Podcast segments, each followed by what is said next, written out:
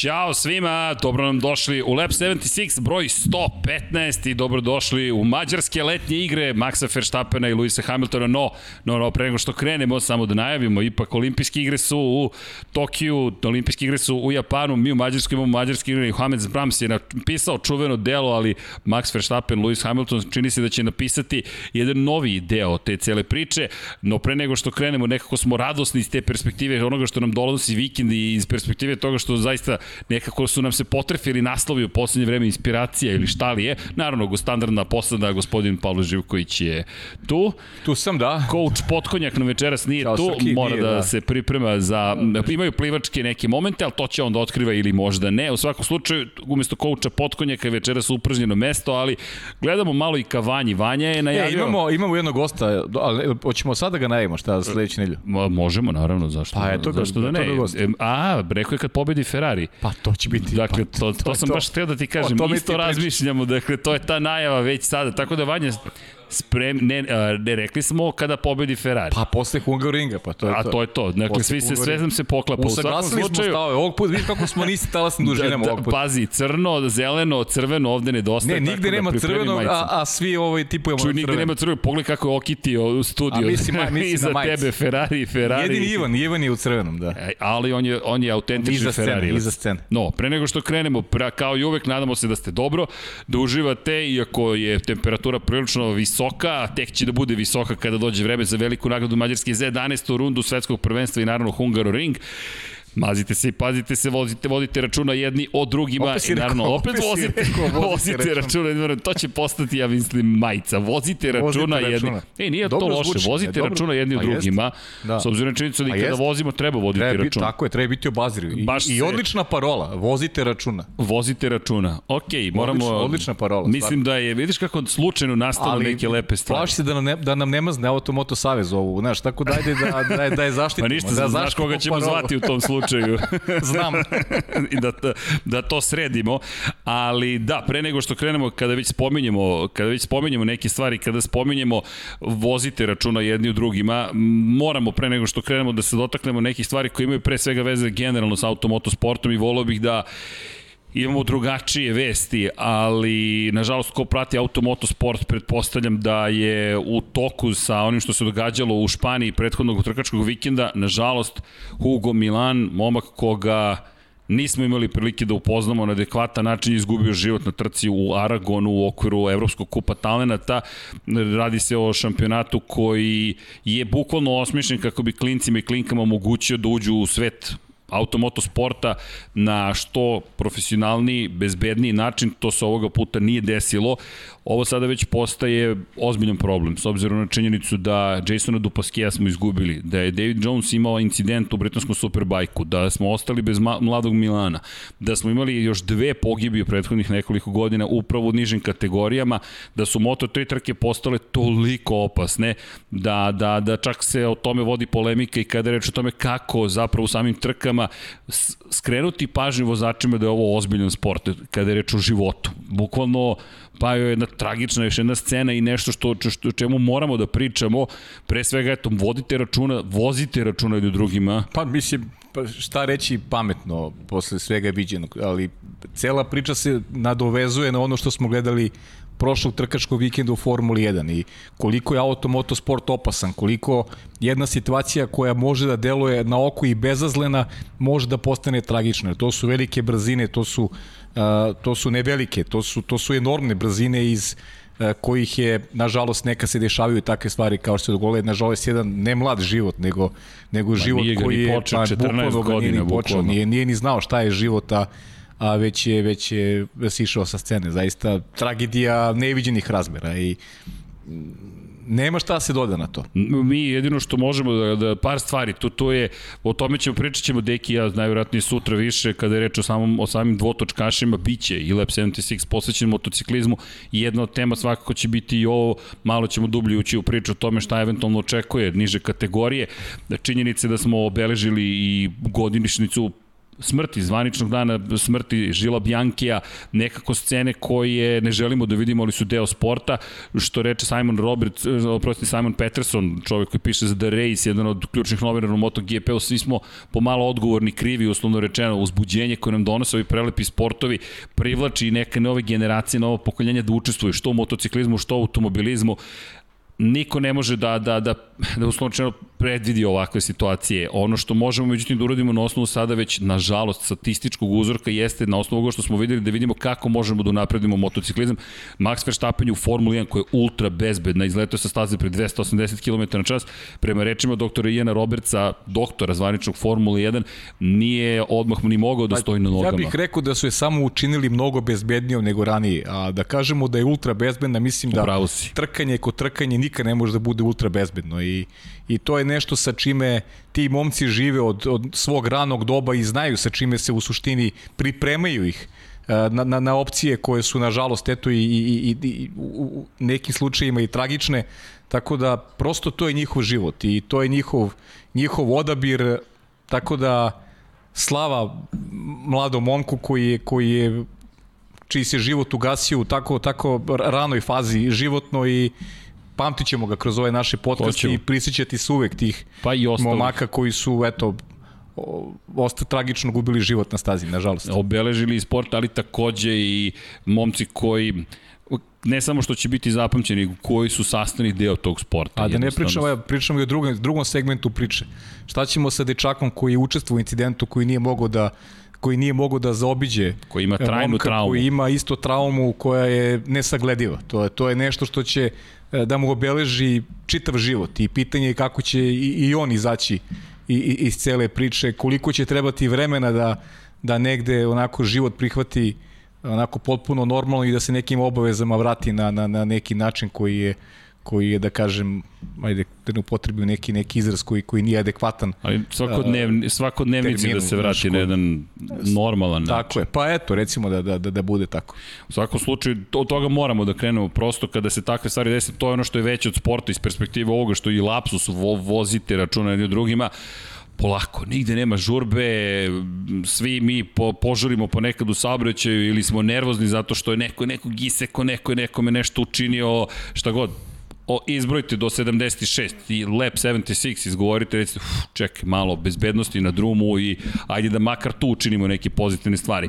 Naravno, nastavit ćemo i tokom ovog podcasta da pričamo o lepotama automotosporta, pogotovo što je pred nama nastavak jedne spektakularne sezone i ne zamerite koliko da su teške ove stvari, da, planeta nastavlja da se okreće svojim tokom, nastavlja ovaj sport. Ovoga vikenda želimo da mislimo onim najpozitivnijim stvarima, vidjet ćemo i da li će Formula 1, to je Moto Grand Prix će sigurno obeležiti ovu tragediju kada se vratimo na stazu 8. augusta, pre toga Formula 1 11. runda i ono što pre nego što krenemo s mađarskim igrama, ono što će biti lepota tih mađarskih igara, što će biti pred prepunim tribinama i pre svega pozor svima koji putujete, želimo vam srećen put, bezbedan put, da uživate, eno ga Ivan tamo, karte su, ulaznice su spremne. Koja tribina, Ivane? General Admission. Ivan će vam biti u General Admission, prepoznaćete ga po majici Lab 76. Tako da, Logično. neka to bude e, znak raspoznavanja. U svakom slučaju, uživajte, znamo dosta ljudi koji odlaze i bit će na različitim Čekaj, možda ali znaš šta si sad rekao? Znaš koliko će Ivana da bude onda na, na trci? da, ne, moramo znači, da napravimo specijalne izdanja. Kogod se pojavi za... u majici, mahkaćemo Ivane, čao. Ivane, molim te pred kamerama FIE da se tamo pojavite, to je Liberty Medije i Lab 76. Napiši negdje Ivan sa strane strane. Ne? Moramo da napravimo posebne majice za ekipu da. koja radi u studiju, Jeste. koja je ovde stalno i da, e to to, na leđima da, da, da piše, da piše ime. Piše ko šta radi, tako je. Ni, zamenimo imena, ti budeš srđan, ja budem Pavle. Čisto zabune radi. Pa može. Ali... Šta? Dom, Pablo. Dom Pablo, da, svi se potpišemo kao Dom, Dom Pablo, pa ne, da se zna ko je Dom Pablo, svi smo mi pomalo Dom Pablo. Dobro priča. Da, I krećemo dalje, dakle pre svega uživajte u onome što ćete videti na stazi, a vidjet ćete na stazi nastavak drame i prave su mađarske igre, to jeste i ples jedan u pitanju, vidjet ćemo da li će se i Ferrari i McLaren uče, u, uključiti prosto hoće, tu. Hoće, hoće celu priču, mi verujemo da hoće, ali krećemo naravno od Maxa Verstappena, Luisa Hamiltona i prva vest pre nego što nastavimo u četvrtak će biti saslušane i ekipe Red Bulla i ekipa Mercedesa. Red Bull je zahtevao da Međunarodna automobilska federacija pogleda ponovo cijel incident iz Velike Britanije. Imaju pravo na to po članu, sad ne mogu da vam kažem tačno da li je 13 sportskog pravilnika, imate pravo da zahtevate ponovnu istragu ukoliko dođete u posed dodatnih dokaza koji mogu da promene zapravo ono što je već odlučeno. Tako da, vidjet ćemo da li će u tome uspeti Red Bull ili ne. Skeptično sam, mislim da, ne, pa, da neće. Isto, ne, ne, mislim, skeptičan. Znaš, nismo, ne govorimo u imeni jedne ekipe, nego prosto, Ali... prosto mislim da je to samo jedna vrsta pritiska Tako i je.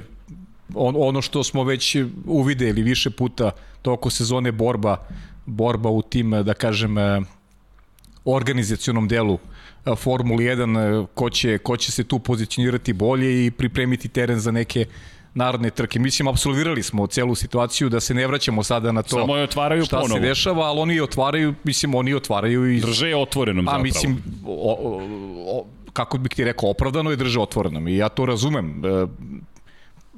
Politika je čudo. I, Ali dramatično se promenila situacija u šampionatu sveta. Ti kada pogledaš stanje pre i posle trke, Mercedes je sada tu. Bukvalno je za vratom kako, Red Bullu i Maxu Verstappenu 25 pojena je uzo Hamilton, Max ni jedan. I to je nešto što može na kraju sezone da bude od presudnog uticaja na sezonu.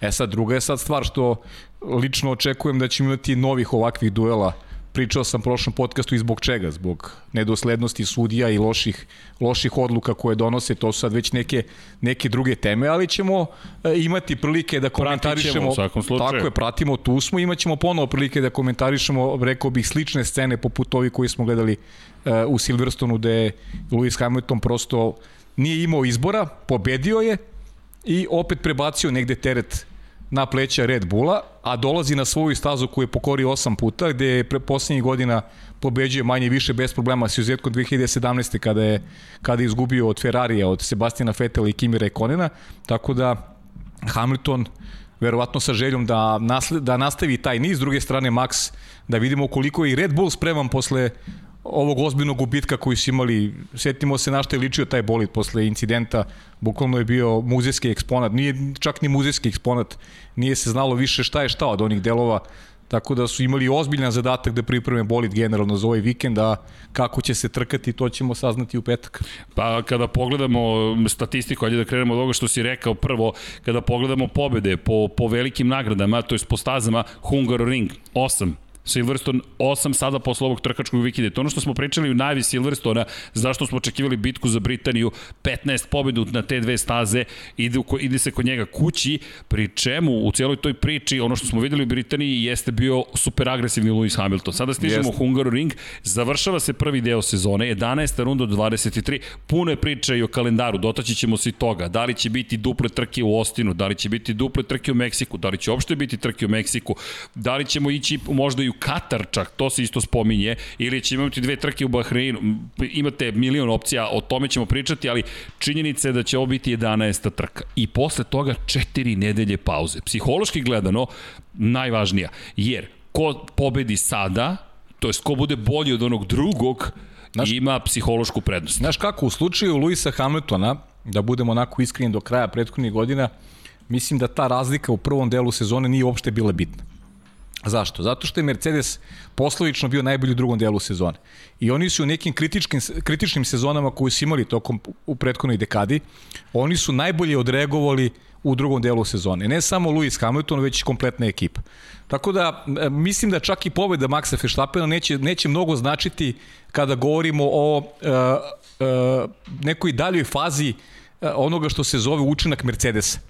Jer svakako verujem da će Mercedes biti konstantan i dobar u drugom delu sezone. Mnogo je delikatnije pitanje kakav će biti Red Bull. Jer pričali smo šta znači ovaj incident Red Bulla. Mnogo toga povlači za sobom. 1,8 milion dolara je cena koju su platili za koju će, koliko će ih koštati popravka bolida. Postavlja se pitanje da li je motor broj 2 od 3 koje su dostupne bez kazne tokom sezonu uopšte upotrebljiv. Honda Upravo je otvoreno rekla šta je, pit, pod znakom pitanja. Šta je pitanja. sa motorom broj 1? Da li će koliko onda, je upotrebljiv motor broj 1? Ili ćete morati sada već na polovini sezone da, da upotrebite motor broj 3. 3. Što je, što, je, što je u borbi za titulu Sa Mercedesom koji sve bolji, katastrofa. I ti imaš Luisa Hamiltona, sedmostrukog svetskog šampiona nasuprot sebe, Mercedes nasuprot sebe i dolaziš u situaciju da ćeš možda tamo negde oko Japana ili Amerike. Inače, kada pričamo o pobedama Luisa Hamiltona, po osam pobeda u Mađarskoj i Velikoj Britaniji, sedam pobjeda u Kanadi, gde je zabeleži prvu pobjedu u karijeri, Kanada se ne vozi. Međutim, na Sjedinim u Sjedinim američkim državama šest pobjeda, u Kini šest pobjeda, u Španiji šest. Španiju je pokorio i ove sezone, Sjedinjene američke države možda čak dva puta. I tu ne Tako govorimo je. samo o, ne pričamo Indianapolis, mi pričamo o Koti, mi pričamo o stazi Amerika, gde je nezaustavljiv. Više se oslanja na, na ovo što se dogodilo uh, u Silverstonu, što mislim da može da bude onako mnogo, mnogo problematičnije za, za Red Bull, a to je šta, će, šta je sa njihovim agregat, agregatima i koliko mogu da izdrže u drugom delu sezone da budu ravnopravni do samog kraja. Mislim da je to delikatnije pitanje, jer uh, Mercedes siguran sa da će biti pouzdan i će držati neki, neki visok ritam koji imaju. Uh, Red Bull je zaista fantastično ove godine i Max Verstappen ima razloga da bude vrlo nezdovoljni ljut što nema veću bodovnu prednost u ovoj fazi sezone. Setimo se Azerbejdžana, ovde je došlo do pol pozicije na terenu Luisa Hamiltona, da je prvi krug završen na prvom mestu, nikad nećemo znati šta je bilo kad bi bilo, ali ja verujem da Lewis Hamilton ne bi mogao da ga sustigne na stazi kakva je Silverstone, da bi teško uspo možda kroz strategiju, nikad nećemo saznati, ali Max Verstappen je, je ima prednost od 8 poena, a najveći je gubitnik prvog dela sezone. Jer nije naplatio u punoj meri ono što je bio potencijal Red Bulla i ono što je neka realna slika na stazi. Realna slika na stazi je da je Max uh, bio bolji od Luisa Hamiltona. Realna slika na stazi. A, a bodovna razlika je samo plus 8. Lewis Hamilton je uh, dobitnik, veliki pobednik u prvih 10 trka. Iako se trenutno nalazi na drugom mestu. Čitam prednost posle 10 rundi u poslednjih nekoliko, poslednjih 10-11 godina. Verstappen Hamilton 2021. 8 poena razlike za ostatak Luisa Hamiltona. 2020. Hamilton prednost od 44 poena odnosu na Bottasa. 2019. Hamilton prednost od 39 u odnosu na Valterija Bottasa, opet klubsku kolegu. 2018. pazi ovo, Sebastian Vettel 8 poena prednosti odnosno na Luisa Hamiltona posle 10 rundi. Znamo kako se završila ta 2018. na kraju dominacije Mercedesa i Hamiltona. 2017. Sebastian Vettel poen prednosti u odnosu na Luisa Hamiltona posle 10 trka. Izgubljena je takođe titula. 2016. Rosberg poen prednosti odnosno na Hamiltona, jedini koji uspeo da pobedi Hamiltona te godine.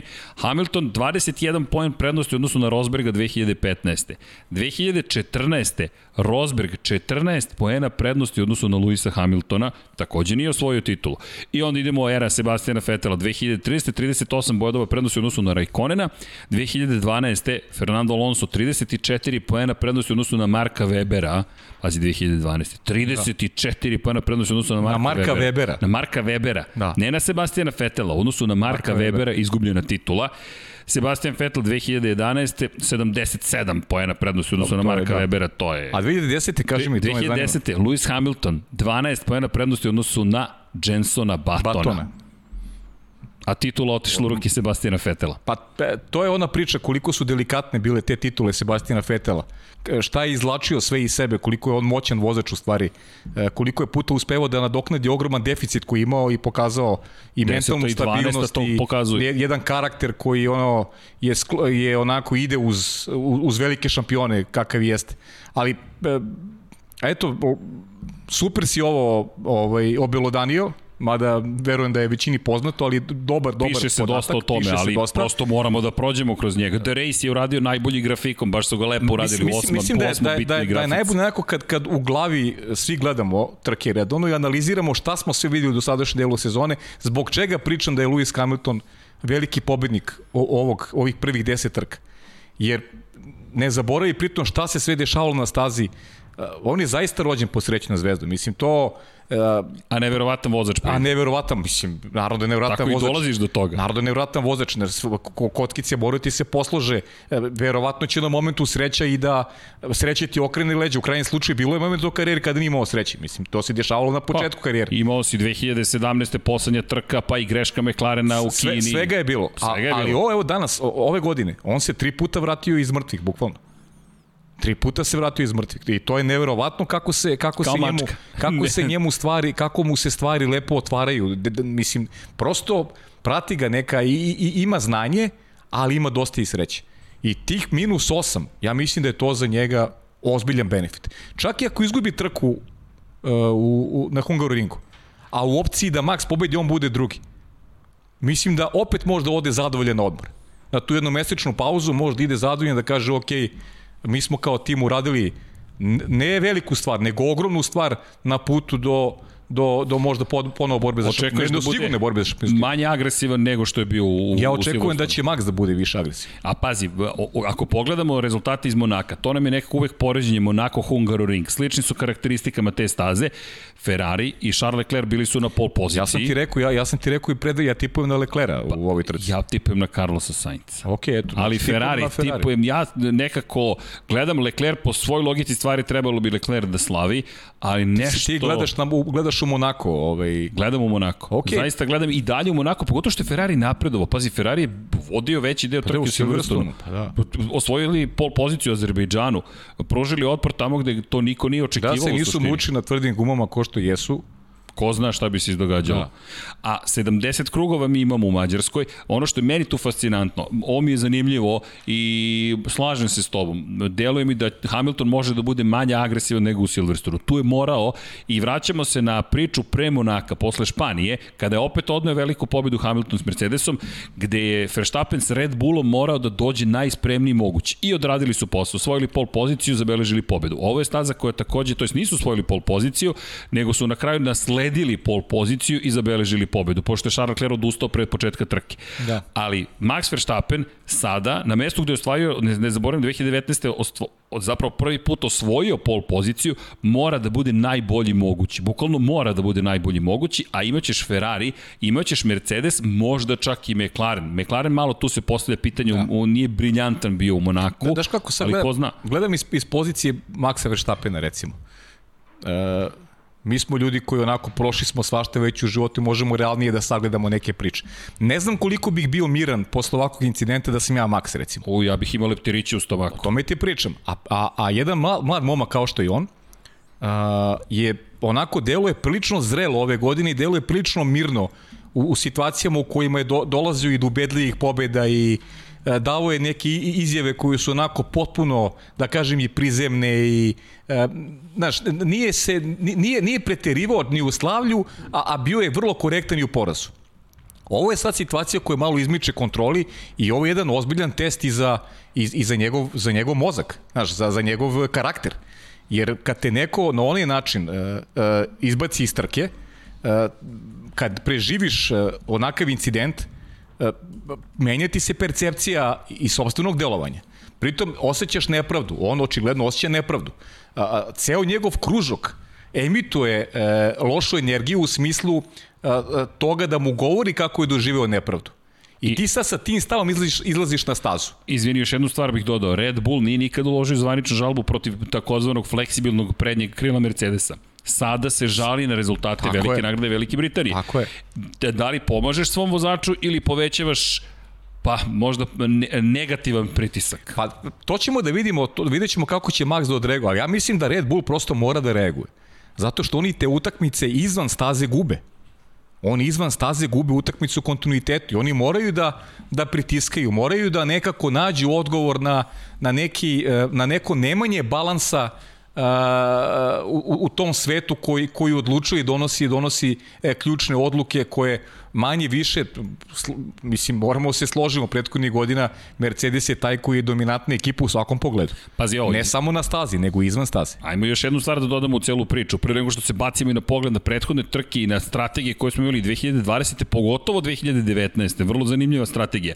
Poslednje dve, to je jedine dve pobede Red Bulla kao tima. 2010. godine Mark Webber i 2014. godine još jedan australijanac, Naravno, gospodin Daniel Ricardo. Ricardo da. Sebastian Vettel tek u Ferrariju zabeležio pobedu na Hungaroringu i to ne jednu, dve zabeležio pobede. Jedini ko je nekako isekao tu dominaciju Pa, Luisa Hamiltona pre svega, sve ostalo je Lewis Hamilton. Nije ovde, poslednji put kada je u Mercedesu nije slavio Lewis Hamilton ili smo to Mercedesa, to je bio Jenson Button 2011. u McLaren yes. Mercedesu. Sve ostalo, to su Hamiltonove trke. I sad ti dolaziš na tu stazu, inače, bez obzira na to šta govorila ova sezona, kao što možemo vidjeti po statistici, Red Bull ovo ne odgovara, izgubio je bitku za pol poziciju protiv Ferrarija, Mercedes je bio u čudnom stanju u Monaku, to ne sme da mu se ponovi, mislim da to ako se ponovi katastrofalna trka Hamiltona, tipa peta, šesta, sedma pozicija, da to može da bude problem u nastavku sezone za Hamiltona i bodovno i psihološki, ali to ne vidim da će se ponoviti. Mislim da je Mercedes sada u usponu. A, da to ide, da idu na... Mi, mi veruješ da ja, da ja recimo, da ja baš vidim jedan, jednu takvu trku za Mercedes? Ja sam rekao malo pre da neće imati ništa protiv ukoliko budu drugi iza Maxa Verstappena, ali ja vidim i dalje problem za Mercedes na stazi ovakvog tipa.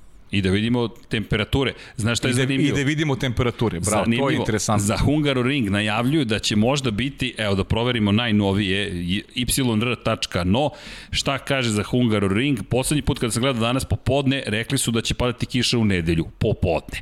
Pazi, danas je utorak, to je 5 dana, pa dobro, biće tu promjena. Nedelja popodne nije, nije problem kiša, veći problem je bio za, za rivale uh, Luisa Hamiltona ako kiša bude padala to kvalifikacije. Znamo koliko su kvalifikacije važne za Hungaroring, možda i presudne. Da, a tamo između ostalog je i kada gledamo jednu od njegovih najboljih trka, za, to jest jedna, ne mogu kažem baš najboljih, ali njegova prva pobeda u Mercedesu je bila sa pol pozicije 2013. godine ovde. To je sezona kada je prešao Mercedes, kada je Niko Rosberg uspeo najzad da, ne, to je, on je već prethodne godine u Kini pokazao šta može i pol pozicijom i pobedom, ali Hamilton je jurio svoju prvu pobedu, ovde je osvojio pol poziciju, pa malo neočekivano, odbranio se protiv Sebastijana Fetela u, u sezoni potpune dominacije Red Bulla i Sebastijana Fetela i zabeležio pobedu, pri čemu U svemu tome, Mercedes nije skuvao svoje gume, a to je bio jedan najvećih problema u tom periodu Mercedesa opet, visoke temperature, ali nekako nikad Hungaroring nije predstavio takav ali, problem. Srki, na, na šta je meni sad, izvini što te prekidam, šta je meni, da, pričamo, šta je meni ovaj, uh, da li smo mi sigurni posle Silverstona da je Mercedes toliko napredao u odnosu na rivala? Ne. Ja nisam siguran, ja mislim da je to šta, šta efekat Velike Britanije. Da, tako je. Šta smo mi videli u Silverstonu? Videli smo Serhije Pereza koji se okrenuo u sprint trci koga nije bilo uopšte u trci, Max Verstappen koga nema u prvom krugu i logično da je Mercedes u nedostatku te najjače konkurencije pobedio je trci pa neću reći prilično lagano, ali je Luis u stih 10 sekundi pobedio Ferrari koji se mnogo mučio na tvrdim gumama. E, e, ko je pomislio da vošte može Ferrari da bude konkurentan u Silverstonu Mercedesu? Niko. A, a Ferrari je na, na, na medium gumama bio fenomenalan. S, s, sjajan.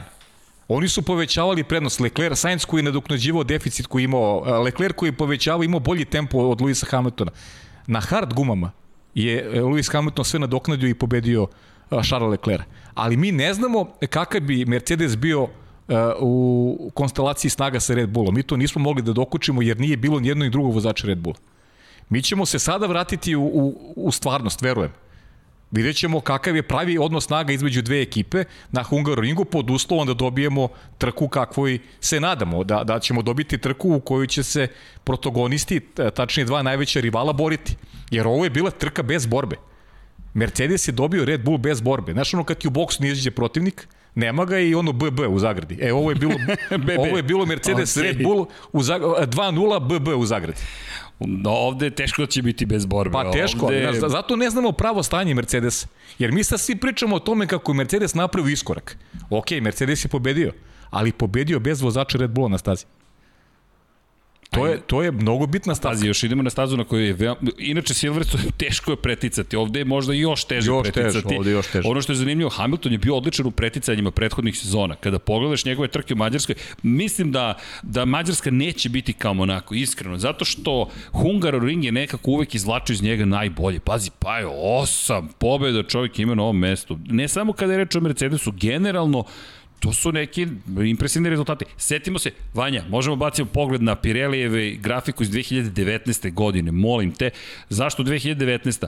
Sećate li se ove trke? Ja se prilično dobro sećam, Pajo, ja je čak nisam prenosio, mislim da sam, da li sam bio van zemlje ili smo radili Moto Grand Prix paralelno, Koja ali beše, 2019? kada je, kada je imao za ostatak od 15 sekundi 14 krugova pre kraja Lewis Hamilton i kada je uspeo da na kraju završi ispred Maxa Verstappena. Kasnije je menjao gume u 31. krugu Jeste. i onda je otišao ponovo na promenu guma u 48. krugu kada su shvatili da nemaju tempo da se odupnu Verstappenu i u bukvalno 14 krugova nadoknadio je 15 sekundi.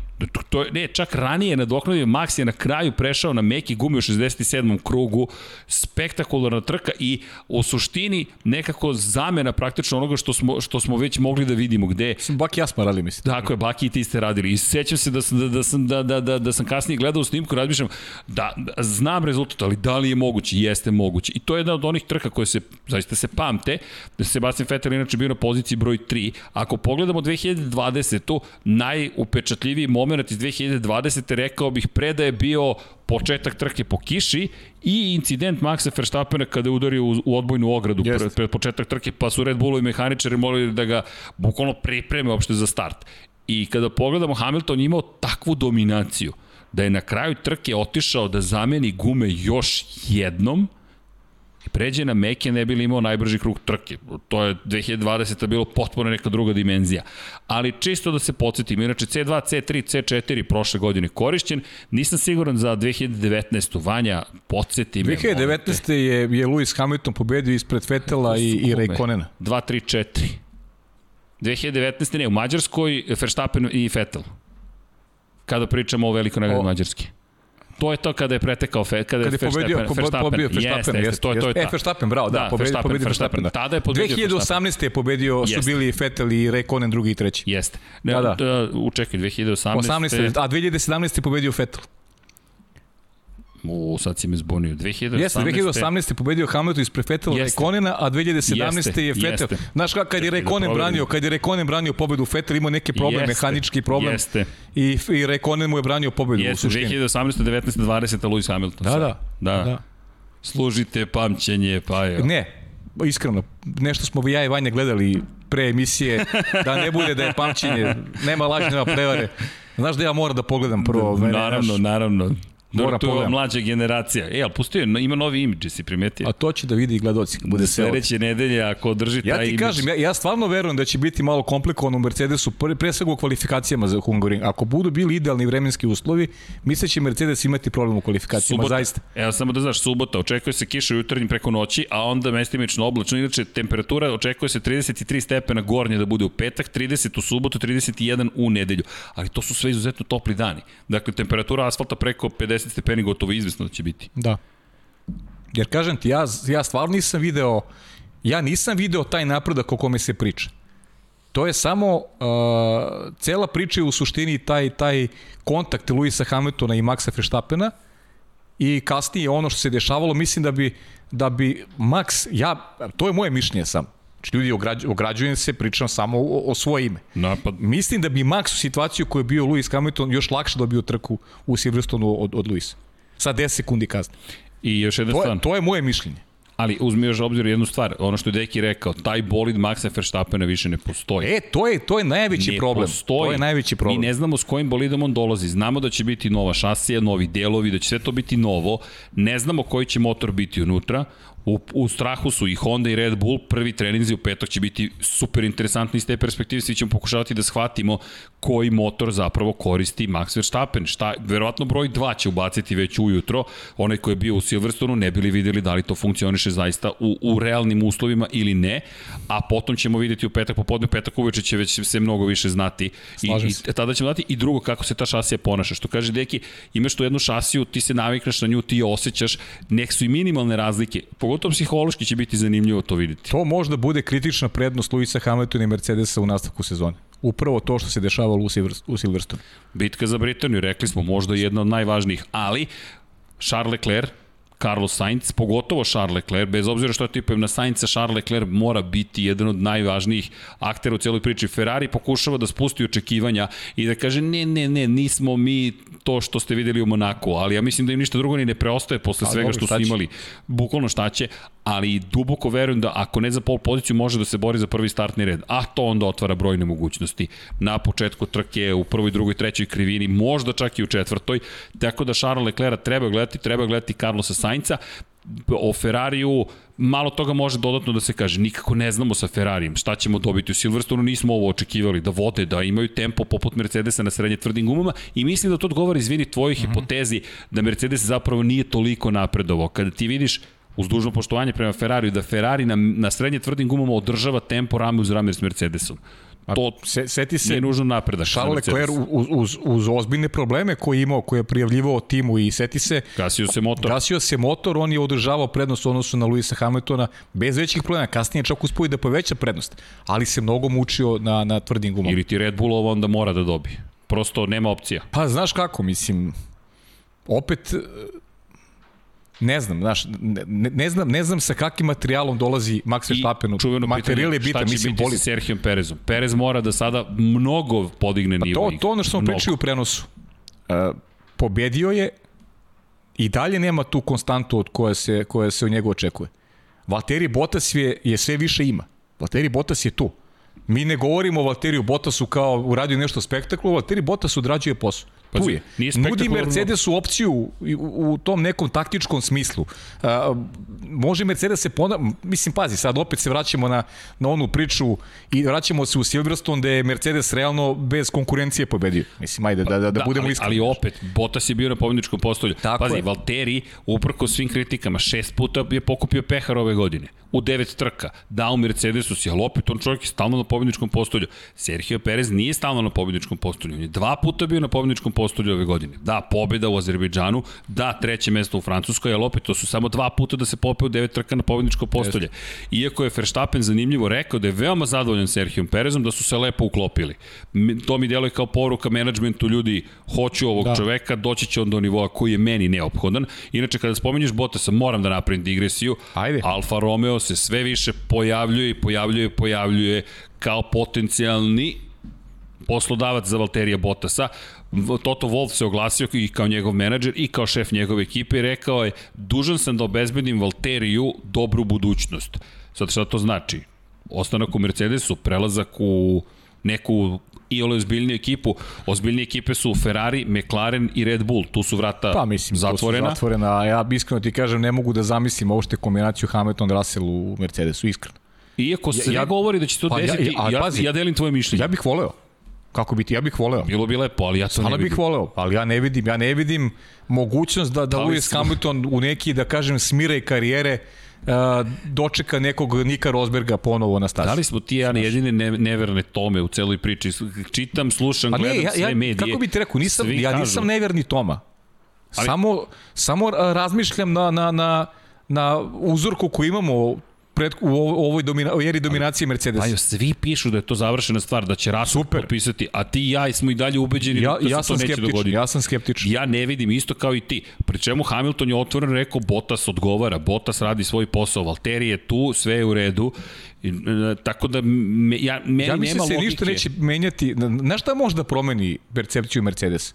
Da Valtteri recimo do kraja sezone potpuno zakaže da ga Perez nokautira po znacima navoda i da Max Verstappen dobije jednu objektivnu prednost u toj nekoj taktičkoj borbi sa Lewisom Hamiltonom da kažu da kažu ljudi iz Mercedesa ok, dosta mi više ne možemo sa Bottasom Bottas da se takmičimo. Bottas ga je pretekao u šampionatu. Pa da, Bottas ga je pretekao i Bottas deluje sve bolje. Pa, Bottas odrađuje posao. Treći, drugi, treći. Pa odrađuje posao. I kad I, Hamiltonu negde, pritom, on je tu. Znaš šta je važno? Ćuti. Sad je počeo baš da ćuti. Čuti. On, Sad je baš počeo da ćuti. Počeo da ćuti, ne znam da si pratio društvene mreže, znam da nisi pratio društvene mreže, ali između ostalog dali su mu da upravlja Instagram nalogom, to je Twitter nalogom Mercedes, onda veliko otkrivanje ko stoji iza Mercedesovog naloga, to je na nivou ko je Dom Pavlo kod nas. A ti znaš da u, danas, ali... da u današnjoj eri o, o, mnogo, su, mnogo se vrednuju ti koji ćute. Znaš. ok, razumeli smo se. o, Ne, ne, da pokušam. pa ne, ti ja pričamo, znaš, to je... džaba mi ne vredi. Mi pričamo, ali... Imam pretplati sam po tom pitanju. Pričamo, znaš. Ali vidi, a Botas ja, je ja, taj koji odgovara. Lično vrednujem više te koji pričaju koji imaju stav nego ovi koji ćute, ali, znaš, nažalost, sistem vrednosti je malo poremećen, je po, tako da, malo je poremećen, da. tako da ti što ćute, ovaj, znaš, I zamisli neka, stojiš iza svojih prolaze. reči. Da, pa, zamisli, zamisli, stojiš, stojiš iza svojih zamisli imaš stav. I ne menjaju se od jutra do sutra. Tako je, zamisli imaš stav. Koliko te optuživali, e, to je ti to. kažeš, pa pogledajte malo bolje. Eto, ali ti što ćute, znaš, mogu dobro da prođu. Uvek. I uvek mogu kažu nisam to mislio. I da. Pa nisi ništa ni mislio. Uvek ima vadilica. Uvek ima vadilica. nisi ništa ni mislio. ali to je okej. Okay. U svakom slučaju, Bottas, eto, dovodi se u vezu čak sa kombinacijom Kimira i Conan Valtteri Bottas. Ja, ja, ja mene bi izbunila ta kombinacija, moram ti Totalno, priznati. ja bih bio sluđen sa, sa, sa tom pričom. Zaista. dvojicu i Pa ne mogu da ih zamislim. To, to, to, to mi nemoguće zvuči. Ali, ali da ne zaboravimo i tu priču da se Hamilton je produžio ugovor za još dve godine. Inače, najnovije su informacije, čisto da staću tu sa ugovorima, pa ćemo se vratiti na ovo o čemu Ajde. pričamo, a to je da je Fernando Alonso zapravo potpisao ugovor na jednu sezonu plus opcije za još jednu godinu i da u celoj priči nije mu zagarantovan taj ugovor, ali da je učinio dovoljno da zadrži svoje mesto u Alpini, pa rekao bih da je učinio dovoljno, čovek je najbolji vozač Alpine, ali, ali ne samo to, rekao da se osjeća kao da ima 25 godina, a ne 40. No, da se vratimo mi Mađarskoj.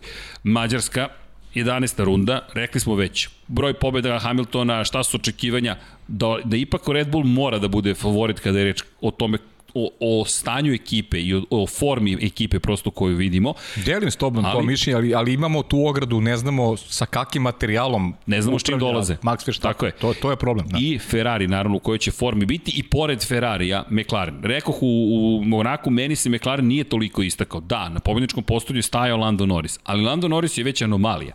Lando Norris je iskoristio u toj situaciji i problem sa Valterijem Bottasom, najduže čuveno stajanje Valterija Bottas i zamena od, od dva i po dana njegovog pneumatika. S druge strane, iskoristio to što nije bilo Charles Leclerc na samom početku trke i to je skok sa pete na treću poziciju. Peta pozicija je već očekivano stanje stvari nisam bio impresioniran McLarenom samim po sebi u Monaku da. i to mi je malo pitanje sada pred Hungaroring za McLaren sam po sebi. Još nešto ću ovaj Eto, tu ste sad prisustvovali Videli ste, da, kako izgleda, zameni. kako izgleda dodavanje vode. Da. Zamena, štafeta je Tako loše je. izvedena. Jeste. Ispala, ispala mi štafeta. I štafeta ti ispala. I ti si u olimpijskim igrama. Pa ja, pa mislim, e, ja sam stari olimpijac. Samo zamenu, ja ću lako olimpijac. da pričam Slušaj, šta da ti god kažem, treba. Ovo, šta sam teo, šta je bitna stavka. I znaš da pričam otvoreno o, o svemu. Naravno. Lando Norris može da bude ozbiljan faktor u toj bici za šampionsku titulu ima ogroma potencijal, strašan je vozač, izneo si jedan podatak koji je frapantan, da nikad ni jedan vozač u istoriji McLaren imao 15, 15 puta za redom put, osvojene poene. poen. E, ali, znaš šta je bitna stavka? Lando Norris uh, protiv Serhija Pereza na Red Bull ringu mora da bude isti protiv Luisa Hamiltona u Silverstone. Mm. Znači, a, a, pa nismo to videli. Moraš da budeš konstantan i, i u svim borbama da bi zavredeo uh, onako jedno, e, kako bih rekao, e, poštovanje sa svih strana, kako, ne da je poštovanje sa svih strana, on ima već poštovanje, on je ozbiljan vozač. Moraš da imaš stav. Ali moraš da imaš stav, moraš, da moraš, stav. moraš svakom da se odupreš. Inače ćeš proći kao mnogi vozači Obrisat koji nisu imali gumić, stav u momentu kada je trebalo gumić. da ga imaš, nisi ga imao. Ne možeš poti Serhija mm. Pereza da braniš agresivnu poziciju, a da u Silverstonu ti deluješ kao da si kao da si pa ne da si ne zainteresovan. Pa ne, na, aj sad da budemo iskreni, deluješ kao kao Mazepin u, u Hasu. Pa, Znaš, možda je to prestrogo, ali, pa, ali, ali bez, bez da borbe, bez otpora. Mercedes. Ali Pa nisam teo to da kažem. Ja ću da kažem. Nisam teo to da kažem. Ne kažem ali, da je to bio, ali tako je delovalo. Ali delovalo je zaista, ako e, e, hoćeš da, da gradiš ti... dobru karijeru, ne možeš tako. Znaš koga bih tu pohvalio? I Jukija Tsunodu i Pjera Gaslija a nisu popustili Perezu ni milimetar, ma kakav pola milimetra. Normalno. I to, ono što mi tu pohvalno bilo je iz, iz Alfa Tauri pa iz Red Bull, nije bilo timskih naredbi, ej, trkate se za poene, to je trkanje i to bi bilo super. Ne kažem da je McLaren i Andre Zajdel da su sklonili bilo koga, ali... Pa ako, mi, to, mi to i ne znamo, ja samo, pazi, samo kažemo kako je delovalo. Ali vidi, ali ima tu par stvari u prilog tome da se sve češće McLaren tu pojavljuje kao važan igrač i važan faktor. To je nekoliko stvari. Kada je bilo potrebno da se izvrši pritisak na političkom nivou, Zajdel je bio vrlo glasan zajedno s McLarenom. Ne jednom, dva put. Sada se desila situacija da nismo baš videli neku agresivnu odbranu na stazi na kojoj je relativno lako odbraniti svoju poziciju. Tako je. A ti imaš bolid koji deluje prilično dobro, da ne kažem superiorno je delovo ako, ako pogledaš Austriju, pogotovo kada je reč o, o, o, o brzini na pravcu.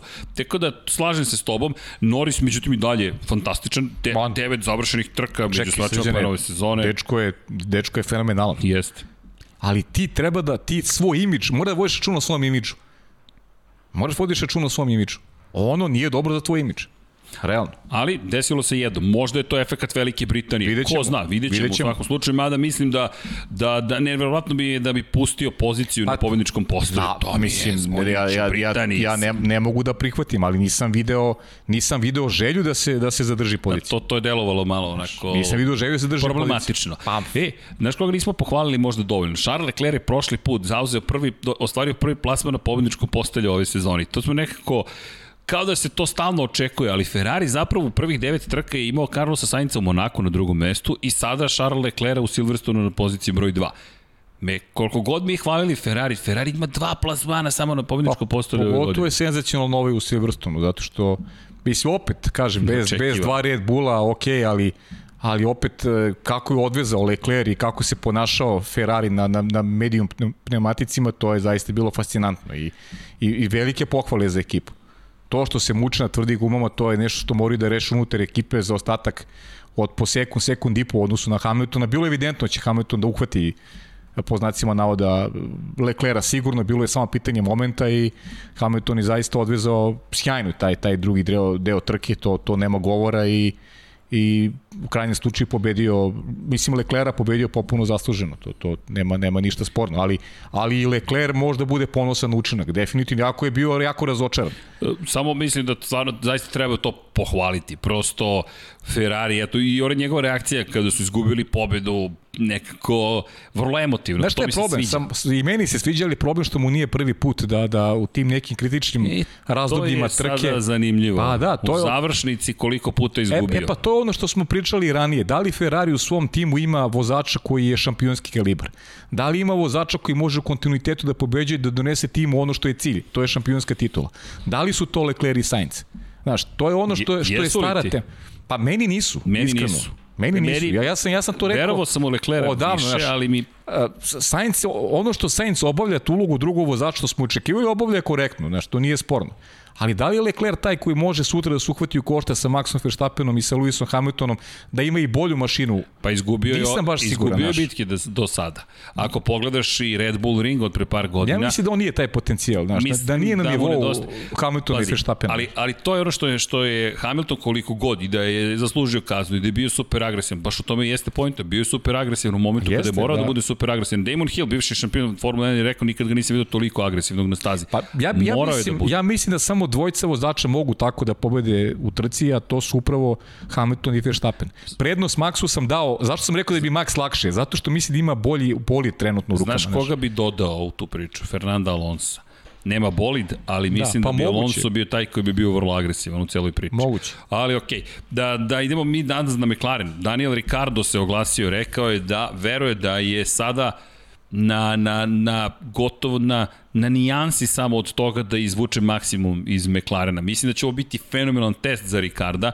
Ima pobedu ovde, bio je dobar u Silverstonu kada reč o vremenima Odličan u odnosu na Norisa, Odličan odličan zapravo na kraju.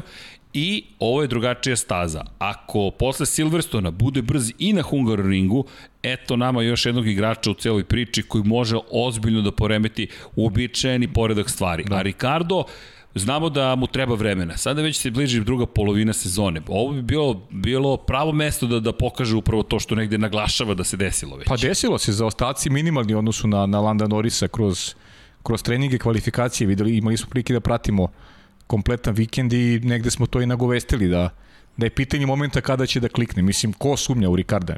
Mislim da, da ne postoji takav. I, i Setimo se i Sainz u krajnjem slučaju u prošle godine, on je u drugoj polovini sezone pravio bolje rezultate od Landa Norrisa. Lando Norris je neko ko starta kreće jako agresivno, ranije godine malo popušta u drugom delu sezone, pa je Sainz uspevao da nadoknadi neke, neke njegove loše trke i verujem da će Ricardo doći do, do jednog onako uspona u sezoni i da će imam utisak i pobeđivati e, Norisa e, u većem delu trka do kraja godine.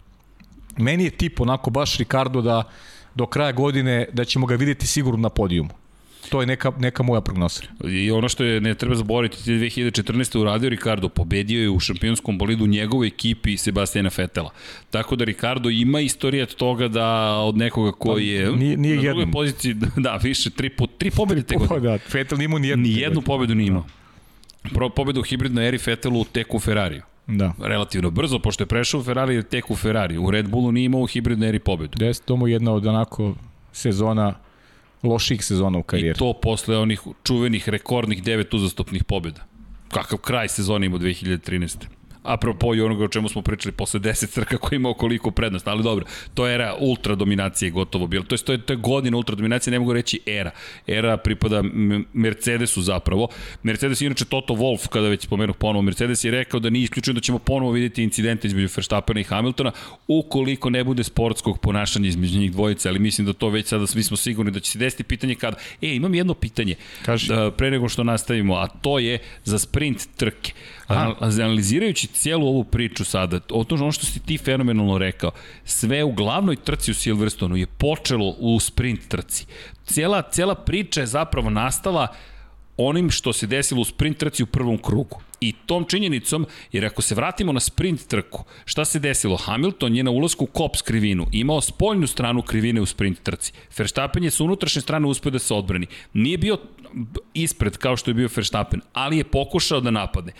Nekoliko stvari se desilo umeđu vremenu. Kada su ponovo došli na taj startno ciljni pravac, Hamilton krenuo je u odbranu pozicije Verstappen, očekujući Hamilton ponovo da ode sa spoljne strane. Hamilton je posle rekao ne, lažnjak je bio u pitanju i nastavio je na unutrašnju stranu krivine. Max se pomerio, međutim zanimljivo sada Hamilton ima poziciju koju je imao Verstappen. Da se vozila samo jedna trka, Verstappen to brani i tu se završa. E sad zašto to spominjem?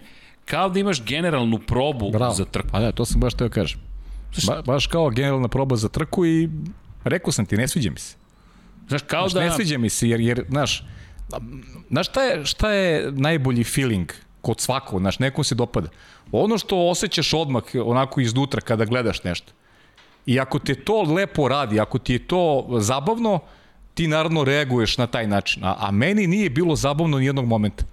Naprotiv, znaš, osjećao sam neku, baš sam bio popuno ra- ravnodušan, znaš, nije mi kao, kao da gledam neku, ne znam, ono, neku šaradu, neku, znaš, ono, potpuno je nebitno šta će se dogodi. Znaš, ima, ima znači kao za pozicija, u suštini svi su negde oprezni jer znaju da bi eventualno greškom mogli da sebi upropaste kvali, o, Jedini kvalifikacije. oprezan bio je Perez. Pa srđane, kvalifikacije su sjajna stvar. O, ovaj način, o, ovaj, ove kvalifikacije, kad ti biraš strategiju u Q2, na kojim gumama ćeš krenuti, e, boriš se za... Petak veče bilo spektakularan. Spektakularan. Bio spektakularan. Pa bilo, Hamiltonov bilo krug, inter, Hamiltonov krug je bio za bilo, pol poziciju. Da, interesantnije mi je bilo od, od, od, Pazi. od, sprintra. Onaj krug će biti zaboravljen, a ono je bila jedna od njegovih najboljih pol pozicija. Koliko se radao, koliko je slavio. Ali Jeste. nekako mi je to palo na pamet kao sprint trka, analiza šta smo posle videli zapravo, vratit će se u Monci, pazi, tek u Monci, ne smijem ni da zamislim reprizu prvog kruga, Bukvalno. ali okej, doći ćemo mi do Monce, pre toga Hungaroring, pa Spa, pa onda idemo u Zandvort, pa tek onda stižemo u Moncu, o, šta nas čeka, okej, Mađarska, joj, i još će tamo biti ljudi, pozdrav svima, udrite like, čekaj, udrite like, like, like, like, like, like, like, Moguće like, da to nisi rekao još. Jel primećuješ? Pablo, nije rekao, a? Ne, nisam. nisam. Vanja, nije, a? Ne. To moramo da napravimo podsjetnik naš dole da izađe. Pa, pa, pa, pa, Otvori like, svesku, like, like, like, otvori like, like. svesku, upiši mu minus. Ne, plus thumbs up, ali udrite like, zato što time nas podržavate i delite ljubav i tako dalje, naravno vodite računa jednim drugima, kupite majice, evo Dom Pablo mi pokazuje kupite majice. Kupite majice, obavezno. Kupite majice, hvala, baš je bilo, evo, mada mo- mogu da ispričam anegdotu uh, za, za majice, tri majice koje su bile prodate za, pitaš, možeš, za ajde. 5 dinara. za 55 dinara, izvinjavam se, naručio čovek hvala za naručbinu tri majice i po, poštom smo ih poslali, ide pouzećem se plaća i poštar je naplatio 55 dinara. I još mu čovjek kaže, ali nije 55 dinara, to košta malo više. Ne, ne, 55 dinara i ne, neće da uzme pare na kraju, a leže na račun 55 dinara. Rekao, okej, to je, to je povoljno To je to. izrađena majica. Slušaj, i, i, na, kraju, na kraju u plusu smo, šta? Da. pa pazi, i minus je plus. Imaš plus, minus, dobiješ minus, ali na, ko, Pa, dobro, u da matematici plus je... Pošt, poštar tanak s matematikom. Šta, šta se radi? Pa ove nule, zarezi, A, tačke. ubiše gde ga, ubiše ga, nuli. Ali da, ja sam ubiđen bio da je, da je 5 dinara uplaćeno. To mi je stiglo kao SMS. I razmišljam, mm, počeli smo prodajemo majice za dinar i po. I to, eto, tako da znate, evo, nije, evo, uplaćeno je 5,04 dinara. Da eto da znate. Inače, pozdrav za gospodina, da ne otkrivam ime, nismo dobili dosavru da otkrivam ime, ali hvala za kupovinu. Nadam se da uživate u majicama u svakom slučaju. Da. Ali i treba da uživate. Ali hvala za podršku, a Dom Pablo će preuzeti sve ostalo. Nemojte se svađati.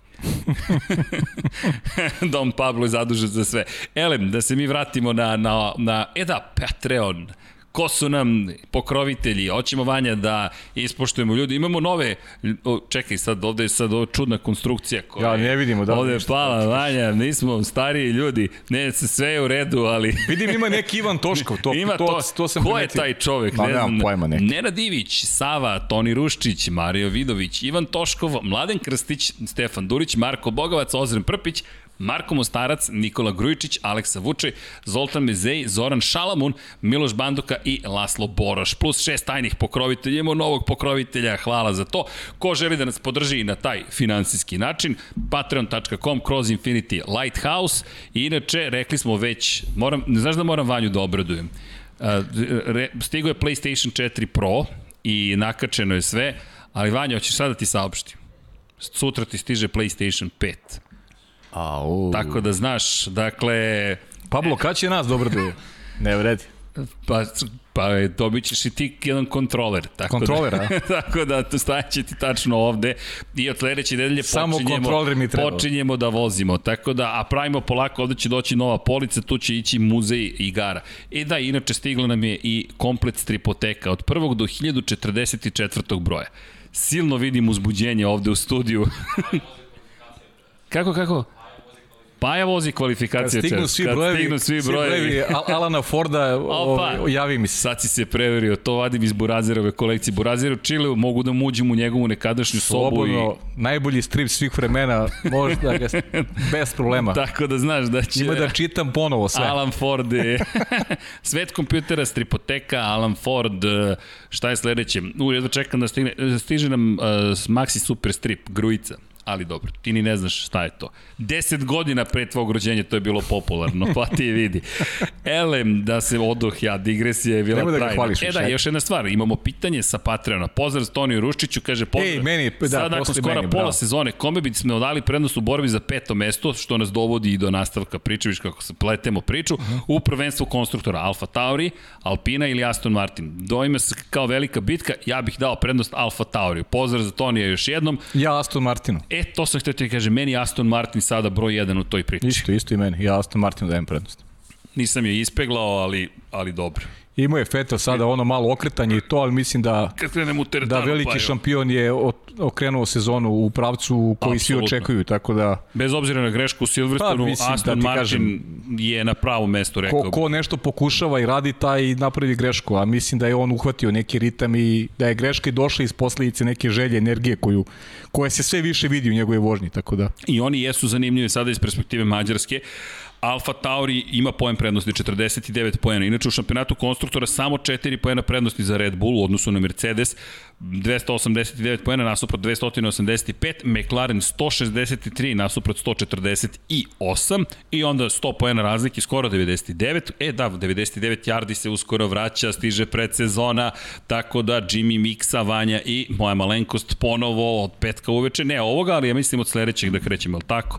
Da, pokazuje mi Vanja, da, da, da, Da. to je 6. 6. avgust. Ja, Tako samo da. ti kažem, Pierre Gasly mislim da će ovde biti dobar. O, Da, da, pa to, evo, dolazimo na do Alfa Tauri. ringu, da, biće, Pazi, biće dobar. 49 poena imaju, Alfa, uh, Aston Martin 48 i Alpina ima 40 bodova. Ova, ova je staza koja, koja mislim da, da odgovara Alfa Tauri i da bi ovde Pierre Gasly mogao da iskoristi potencijale Hondinog agregata i da, i da dođe do... šesti je bio u Monaku Da, i odvezao je zaista dobru trku. Jest, Nismo korektno. ga baš videli u Velikoj Britaniji. U Austriji je osvojio dva poena u prvoj trci, Da. da. problematičan. ali o, ono što i manjka, to je neiskorišćena šansa u delu sezone ko, kome su mogli da profitiraju mnogo više. da beže sada mnogo. Pa da, nedostatak i u nekom taktičkom smislu i par nekih incidentnih situacija u kojima se Pierre Gasly našao, a prosto nije bio u pravom trenutku na, na pravom mestu i to je sve uticalo da Alfa Tauri nema bodove koji su očekivani. Meni je utisak da ćemo i Fetela i Fernanda Alonso vidjeti u odličnom izdanju na ovoj stazi.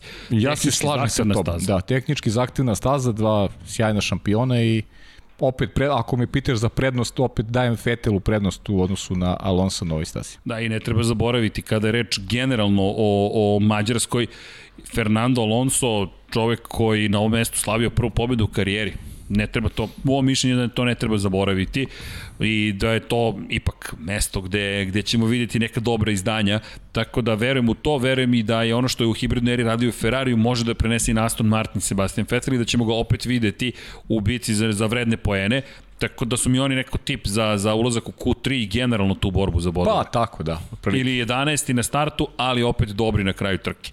I baš očekujem dosta od, od nekadašnjih šampiona. Slažem se, slažem se. Yuki Tsunoda, na Novajlija ne, nepoznanica. Pa to je jedna dalje. dobra, jedna loša, to je taj sistem Osvojio je poene sada, jedan poen je osvojio. Pa dobro, vi rekli smo, dve različite strategije su imali oni Gasli, Gasli koji je menjao pneumatike jednom više u odnosu na, na Cunodu, Cunoda je to u kraju, na kraju trke iskoristio i upisao poen, ali ništa spektakularno kada je u pitanju Yuki Cunoda. Zaista ne znam, ono, možda su naše očekivanja bila veće u odnosu na, na Japanca, ali opet s druge strane ne smemo da, da, da zaboravimo da je ipak ovo prva godina za njega i da moramo da budemo obazrivi kada tumačimo njegov učinak. Jer svakom treba, u svakom poslu treba ti šansa u kontinuitetu da bi ti pokazao da li jesi ili nisi. I to je neka realna priča. U Formuli 1 često to nije slučaj, jednostavno... Oh, vidi ovo. Da, Deki je prisutan. To ne sme da se... Da. to ne smemo da zaboravimo, tako je. Deki, nismo te zaboravili, da znaš. Nikad. Inače, Ako je to poenta, pričat će vam on, nije coach, kaže nisam coach, nego ćale, šofer, sve što treba da budem. A, Ozbiljne su pripreme, pozdrav za celu ekipu Potkonjaka. Tako je. Navijamo za tim Potkonjak. Tako da eto, to je, to je priča neka u Cinodi i generalno možda nekad eto, i, ono, možda nekad i preteramo, jer ipak se mi kako bih ti rekao, mi dajemo sud u odnosu na ono što vidimo, ali uh, mora da postoji neka priča, malo dublja priča, kada, kada analiziraš momke koji se prvi put susreću sa nečim što je ova najjača konkurencija i tu treba biti obazriv. Pa, e sad nema, nema, nema vremena prosto za sve, znaš, nema nema ovaj mogućnosti da neko dve godine vozi u kontinuitetu. To je ozbiljan proces postao u vreme kada nadiru talenti sa, sa svih strana.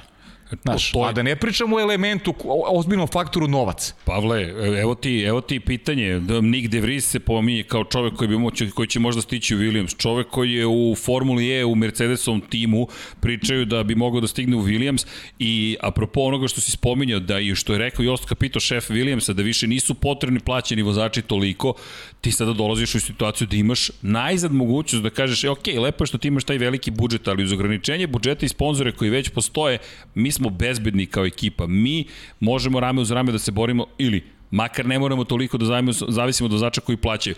E, apropo vozača koji plaćaju, Lance Stroll je neko koji zaslužuje svoje mesto. On, da, donosi novac njegov otac, Tako ali je. on je čovek bio osmi na prethodnoj trci. Pohvala i za još jednog, za još jednog momka koga nismo ni stigli da spomenemo u, u onoj celoj vatri Silverstona, ali činjenicu da on čovek osvojio četiri velika poena za Aston Martin i odvezao stabilnu, odličnu trku, odlični restarti su bili, odlični startovi, baš je Kanadjanin bio na jednom visokom nivou. Pored toga, Alpine Alpina, oba vozača su među osvajačima poena. Alonso već standardno sedmi, deveta pozicija međutim za Estebana Okona. Inače, Loran Rossi, šef izvrši direktor Alpine je rekao da stoje pri svojoj odluci i da je zapravo to bila odluka u kojoj ne mogu ništa da izgube, da potpišu ugovor na tri godine sa da. Estebanom Okonom. Nisam baš siguran da nemaju što da izgubi, imaju mogućnost da izgubi baš ove talentovane vezače koji dolaze, ali uz Alonsa koji očekujemo da će tamo ostati, sad svi ti talenti jure poziciju, Cunodinu između ostalog, De Vries koji možda će biti u Williamsu, George Russell konačno juri poziciju u Mercedesu, makar to tako izgleda. E, znaš šta je Srki, šta je Srki problem? Mislim za, za sve, sve te momke. I, I zašto je ova sezona uh, super uh, za tebe i mene koji, koji to radimo u kabini i, i imamo strast neku koja, ove godine strast koja nam se, ja mislim, podebljala za ono, ne znam, ono 100%. imamo je i onako, a podebljala se za 100%. Pa pazi, sve zajedno, Lab 76 prošle sve, godine. Sve zajedno. Ljudi koji prate, pozdrav svima, zaista. Tako vi, je. Vi, ali bukvalo to zvučeći kao floskole, samo kratko. Ljudi, vi nama dajete energiju da se ne pojavimo svake nedelje, utorak, u sredu. To čini stvari toliko lepim. Pa ne, reakcije na ulici, to je, ja zaista ne mogu da verujem šta, šta sve na ulici doživljamo, ali sad da, da, samo ali, da, da, da ne izgubim nit. Izvini. Da ne izgubim nit. E, šta, šta sam teo da kažem? E, zašto su timovi u poziciji, za, zašto je recimo Lance Stroll Ja ne znam da li je Lance Stroll talentovaniji vozač recimo od, od Roberta Schwarzmana. Ne znam. Možda je čak Robert Schwarzman i talentovaniji. Ali znaš koja je prednost Lensa Strola? U, u ovoj sada formuli u kojoj je svaki poen bitan, borba za četvrto, peto, šesto mesto konkurencije konstruktora, Lens Stroll je neko ko ima sada već za sebe ozbiljno iskustvo. On je dobio priliku, nije bitno kako, ali dobio priliku da vozi u kontinuitetu već nekoliko sezona. A, a Robert Schwarzman mora prođe jedan ozbiljan period da bi on došao do jednog neophodnog nivoa da vozi i da osvoja uh, poene u kontinuitetu za ekipu. Uh, znaš, uh, to je razlika. I popuno je logično, nema, nevezano za to što, što Lens ima, Lorenza ima svog oca koji je multimilijarder i može, može to da mu priušti. Ali on je svojom vožnjom pokazao da može da bude stabilan. Pitanje je kako bi svoji mladi momci snašli u konkurenciji kada ti je svaki poen bitan. Da li mi razumiješ šta ti, šta, šta ti kažem? Razumem. Znaš, to je, to, to je poenta cele priče i E, mislim da će zato malo morati sačeka ova nova generacija, jer smo, prvo ulazimo u jednu eru 2022. koja je potpuno nepoznanica za sve nas, a, a svi timovi teže da imaju u svojim redovima vozače koji imaju određeno iskustvo i znaju kako se osvajaju poeni, jer im je to bitno zarad sobstvenog cilja, zarad uspeha. E, to je ta razlika zašto se recimo po meni Alpina i opredelila za Esteban Okona jer im je neophodan, treba im u nešto se zove e, rezultat. Da ti moraš da se kladiš na nekoga ko je dovoljno ostvario uspeha u tom kontekstu, ne da bude pobednik, pobednik trke, ne, ne, završi posao koji nam je potreban. Koliko su Srki poen. redki vozači koji su, koji su bili na podijumu u šampionatu Formule 1?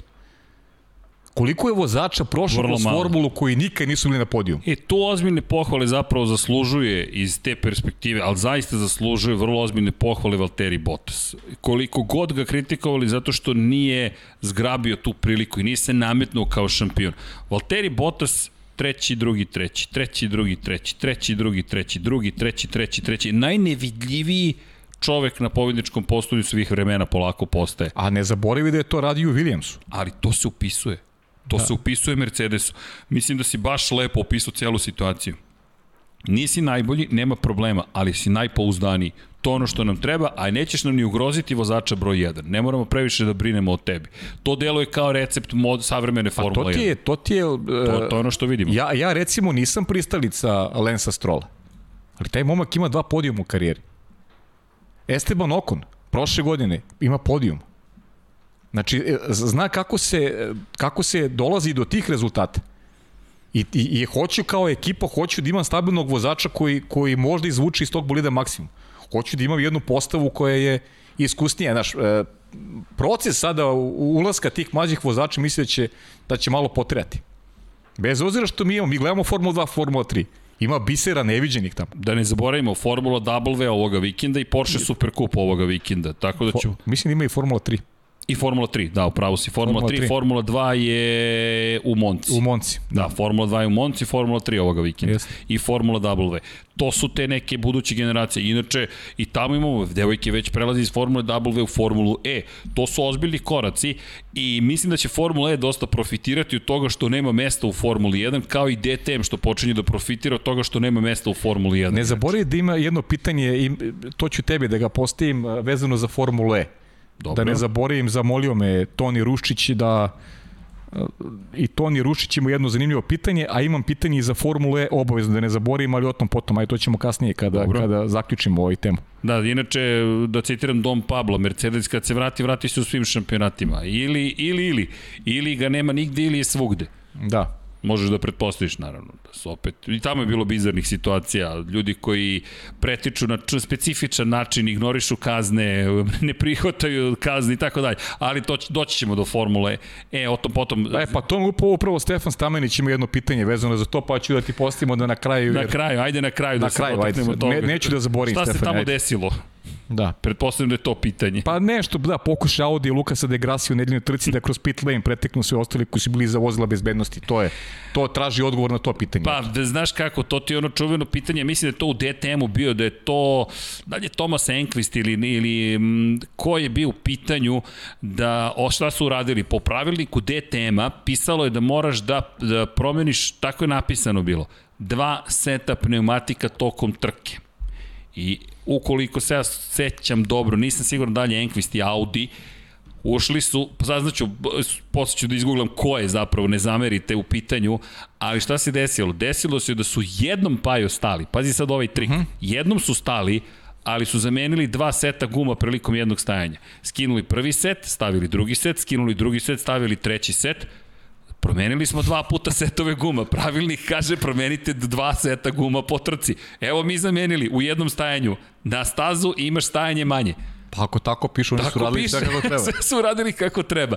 Tako da ti to sad ona, naš tanka linija. Pa ovde, a ako u ovom slučaju nije bilo tanke linije. E, pa zato moraš, da, moraš da napišeš e, i jasno u pravilima, znaš, šta treba da su Kako se zove američki inženjer koji je šef ekipe u motociklizmu? On je u, još u starom Superbike šampionatu Amerike imao Mickey Mouse šešir. Bukvalno, uh mhm. -huh. kupiš ga u Disneylandu, Mickey Mouse uši i kada objave novi pravilnik za sezonu, on kaže sada stavlja Mickey Mouse uši, stavi bukvalno Mickey Mouse uši i čita pravilnik i traži rupu u pravilniku i to čuva za sezonu. To, to je okej, okay. pa to jeste fora.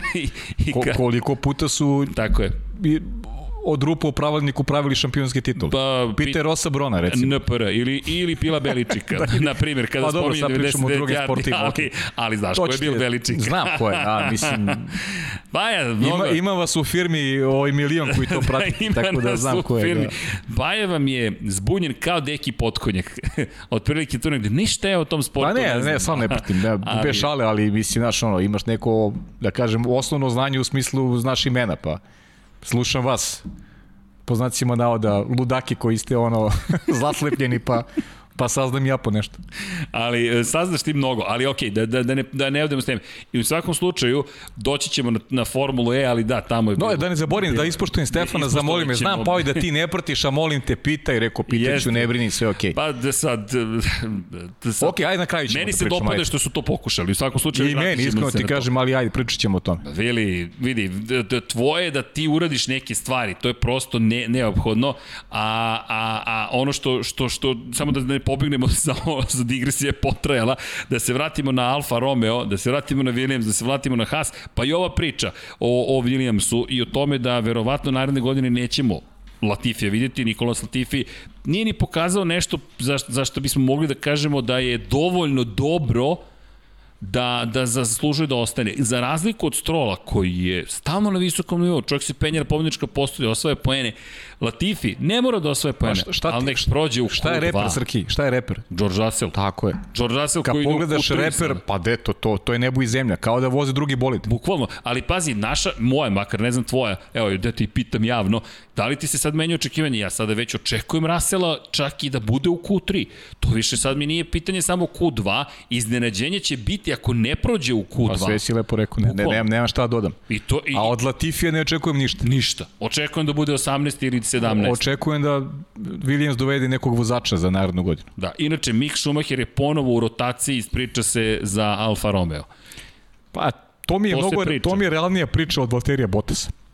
Jedino u slučaju, mi prvo šta mi ne znamo za Alfa Romeo, ne znamo šta će raditi Kimi Raikkonen jer on, on, on se ne čuje više uopšte, čoveka nema. Pa ni, ni Alfa ga ne spominje više. Ne, ne, ne znamo šta će biti s tim, da li ostaje, da li, da li znaš, e, a, ako je Mick Schumacher, šta će biti sa Đovinacijem?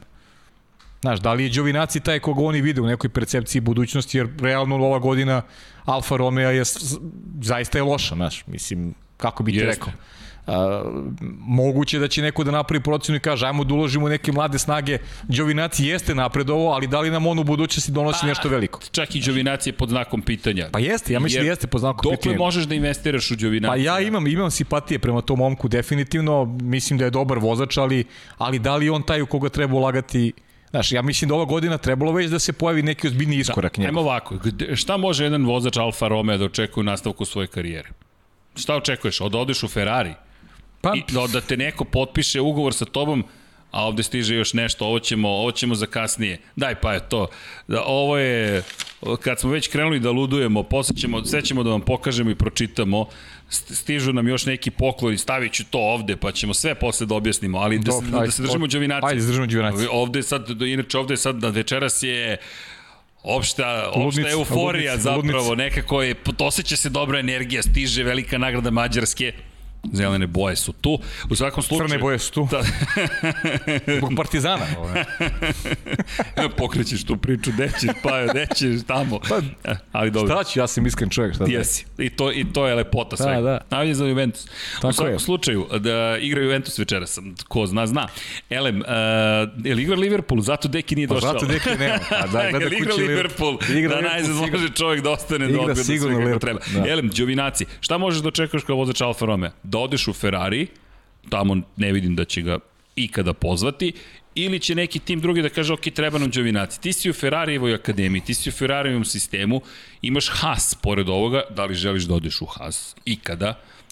Trenutno rekao bih do naredne pa, dve, tri da godine ne. Mislim da, da su mu vrata Ferrarija pogotovo ta Čvrsto istorija. Zatvorena. Znaš i sam tu istoriju Znam. italijanski vozači Ferrari da to poznate, da, da ne idemo sad mnogo unazad Enzo Ferrari i šta se sve dešavalo u toj, Ali, u toj dalekoj prošlosti. Jednostavno, neće se otvoriti i malo italijanskih vozača koji je tamo od nekih I, 60-ih i vozilo za Ferrari. To se zaista moraš da budeš super talenat Pa pazi, na Nini nije vozio za Ferrari, a on je bio verovatno najbolji italijanski vozač koji se pojavio u posljednjih 40 godina. A pazi, u cijeloj ovoj priči Ćovinaci koliko god je dobar, nije učinio dovoljno da bi ostao. On može biti žrtva okolnosti. Prosto da će otvoriti vrate nekom novom. Mick Schumacher, potencijalna zvezda, bolje da investiraš onda u njega. U Haasu ne vidim da će Schumacher moći više da napreduje. Šta ćeš ti novo da naučiš ukoliko Haas bude ovoliko loš sledeće godine? Šta ti novo imaš da naučiš? Kako da budeš poslednji i da pobediš Nikito Mazepina?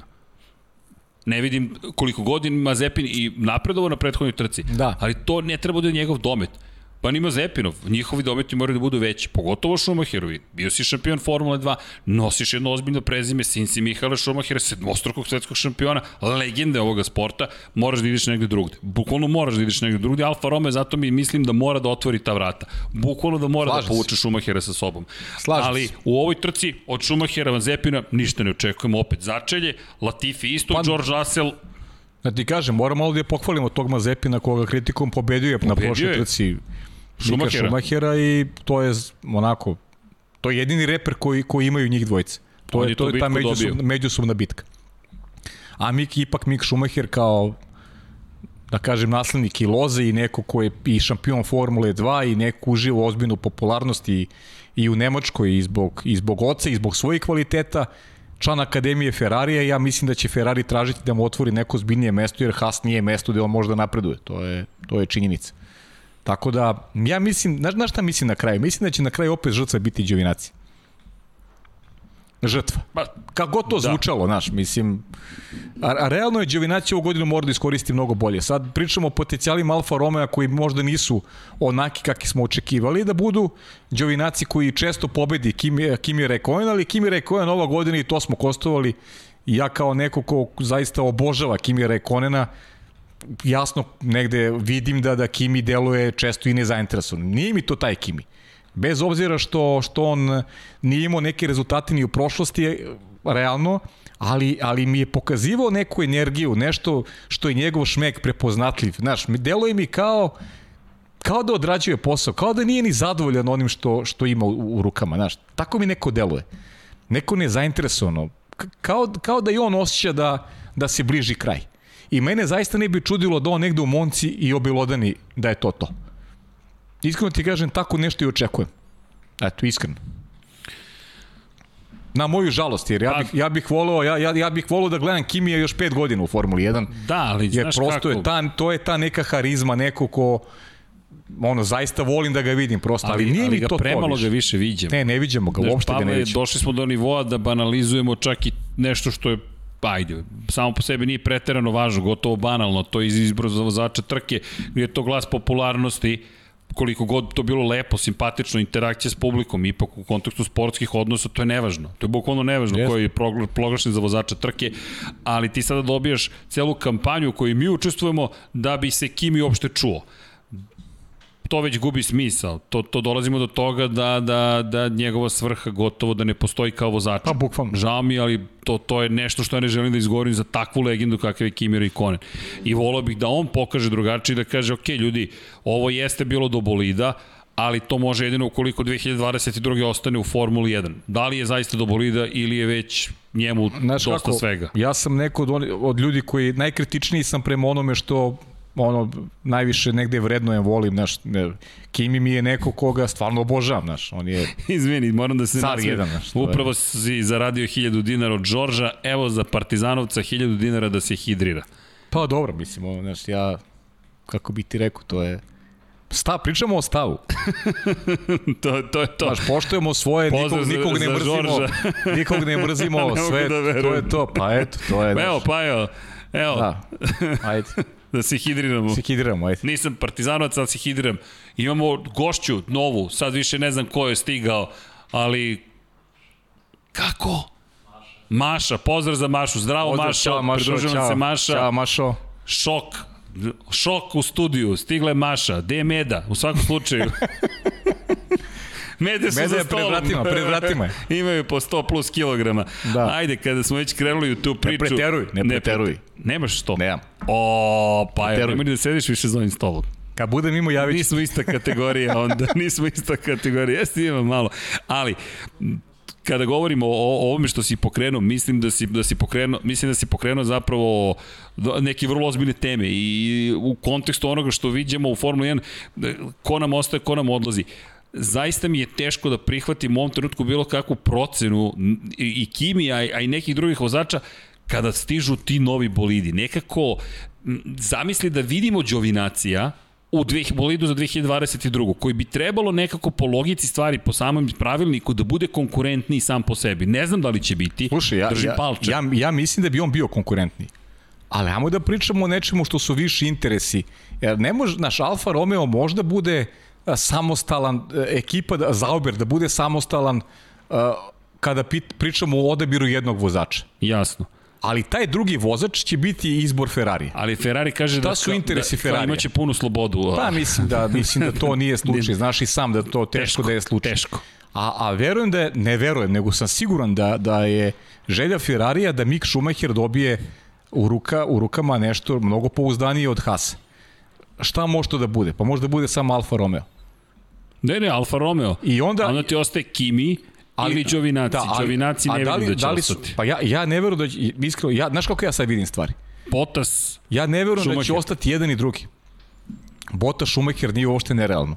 pazi, Botas ti Ako dolazi... Bottas, pazi, ti ja verujemo da Bottas ostaje u Mercedesu. Ja, da, to je Verujem. naše ubeđenje. Ali ukoliko se dogodi da zaista Russell dođe, nije nerealna opcija da Bottas bude taj neki lider projekta uh, Alfa Romeo, ostaje u Formuli 1 i dobija Mika Schumachera. Pa Ima iskustvo. Pa pazi, Mik Schumacher koji ima, i koji ima u Bottasu dobrog mentora, u krajnjem slučaju. Znaš, ima dobrog mentora u Bottasu. Pa imaš nekoga ko ima ozbiljno iskustvo, Pa ima bez obzira iskustvo, a i na sve što Bottas se ima dešava. neki, ima neki blag karakter, neki Bottas je, deluje kao, jedan fin, kao, kao, E, jedna, kao jedna fina osoba, možda će deluje njemu Valtteri to prijeti. Upravo Možda to. će to njemu ta uloga prijeti. Nisam više u timu od kojeg se očekuje da pobeđujem. Tako je. Slobodan sam sada, mogu i da se trkam, a mogu da budem mentor jednoj legendi. Da, mi Bottasa kritikujemo jer nije iskoristio potencijal koji imao. Ma, a ne zbog toga što, ga, zato što doćemo smo verovali u njega, zato što smo Tako je. njega verovali. Znaš koga hoću da pozdravim? GP Balkance. Znaš šta su izvukli ljudi iz naftalina? Izvukli su naslovnu stranu Formula 1 Racinga, ako pratiš, iz 2015. Dobro. Bottas, a world champion in the making. Pazi, to je nas, svi smo očekivali da je on sledeći finac. Posle Hakinena, Raikonena, dolazi Bottas, dolazi neko ko... Ja da se pomerim to, nekom, su to nikad. od nas prepisali ili šta?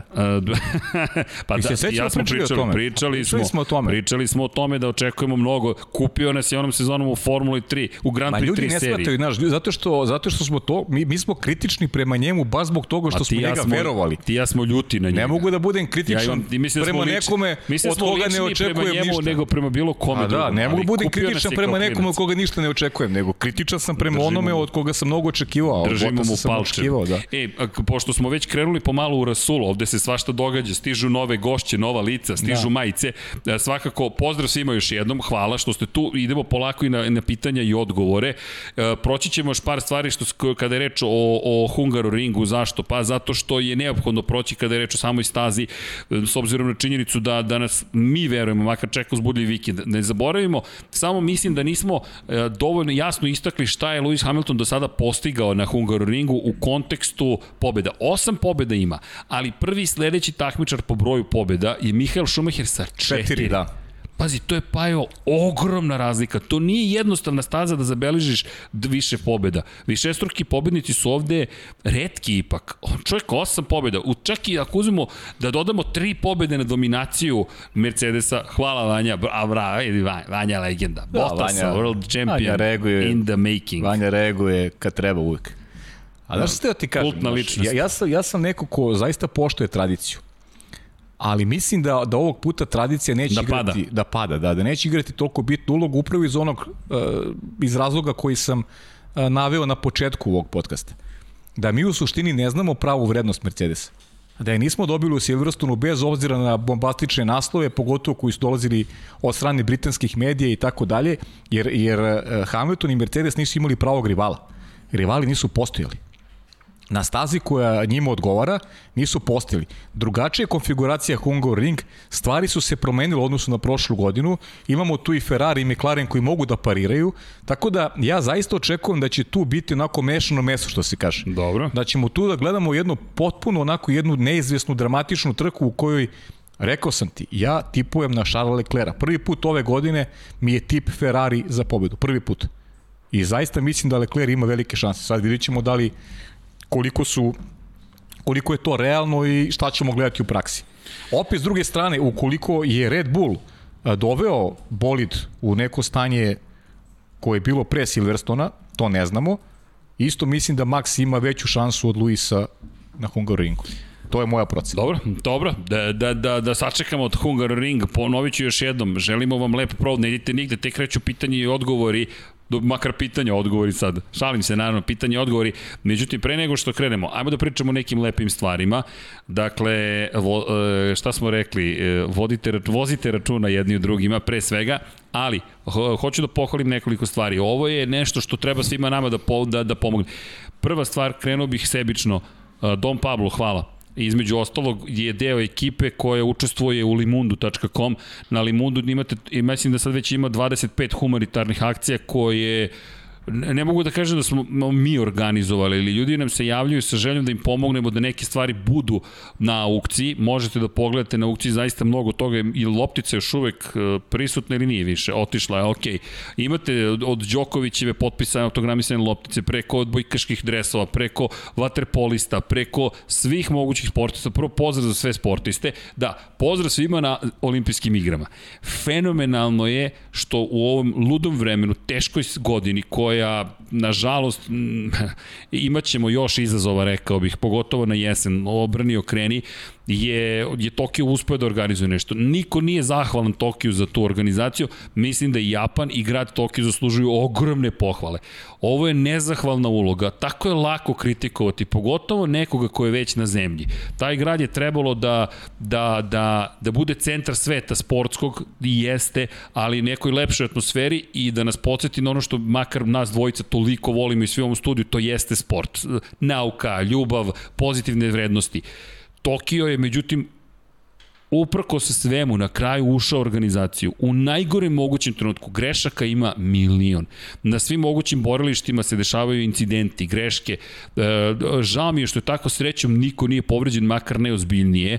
Tokio zaslužuje da, da svi zajedno kao planeta Zemlja Klevudska vrsta kažemo ok. E, zašto? Zato što ovo zaista jeste teška organizacija. Pa ti znaš o čemu pričamo. S druge strane, pozdrav svima koji osvajaju medalje, odakle god dolaze, ali posebno ekipama i pojedincima iz sa ovih prostora, iz cijelog regiona. Zaista svaka čast skidam kapu i inspiracija su, inspiracija su i, i nekim novim klincima i klinkama, pa i automobilistima, motociklistima Jest. da, da uđu u neke nove stvari. I dalje verujem da su poslednji superheroji zapravo pravi superheroji, ne u DC komiksu, ne u Marvelu, ne u stripotekama, već na sportskim borilištima.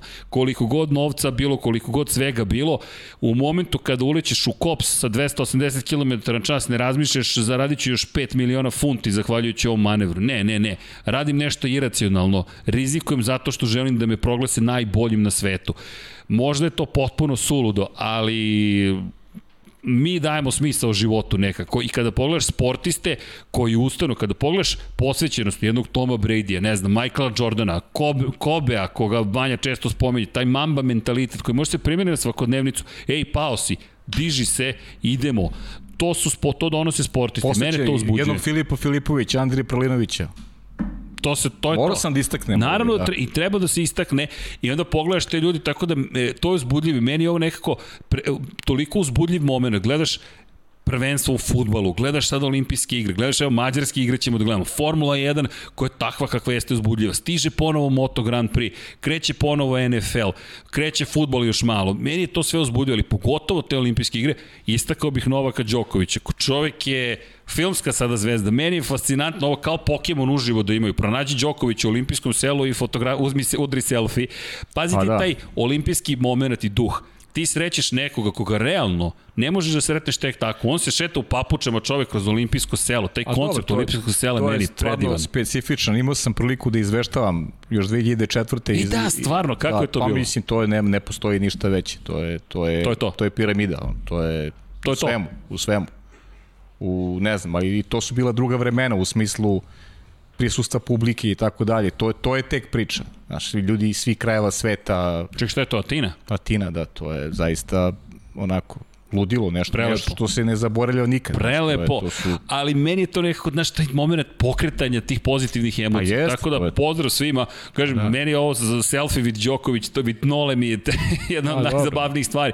Pa, a i, car čovek, nema, nema ali, šta. ali istrpljenje koje pokazuje i to ono što je Pa lepota to, olimpijskog to je, sela. znaš kako, to je, to je ili jesi ili nisi u svakom pogledu. Bukvalno, Ti, da, bukvalno. ti da jesi, moraš u svakom pogledu da budeš dobar, znaš, mislim da budeš zvezda, znaš. Znaš Znaš ne ko- samo na terenu, nego i Znaš ko jeste zvezda?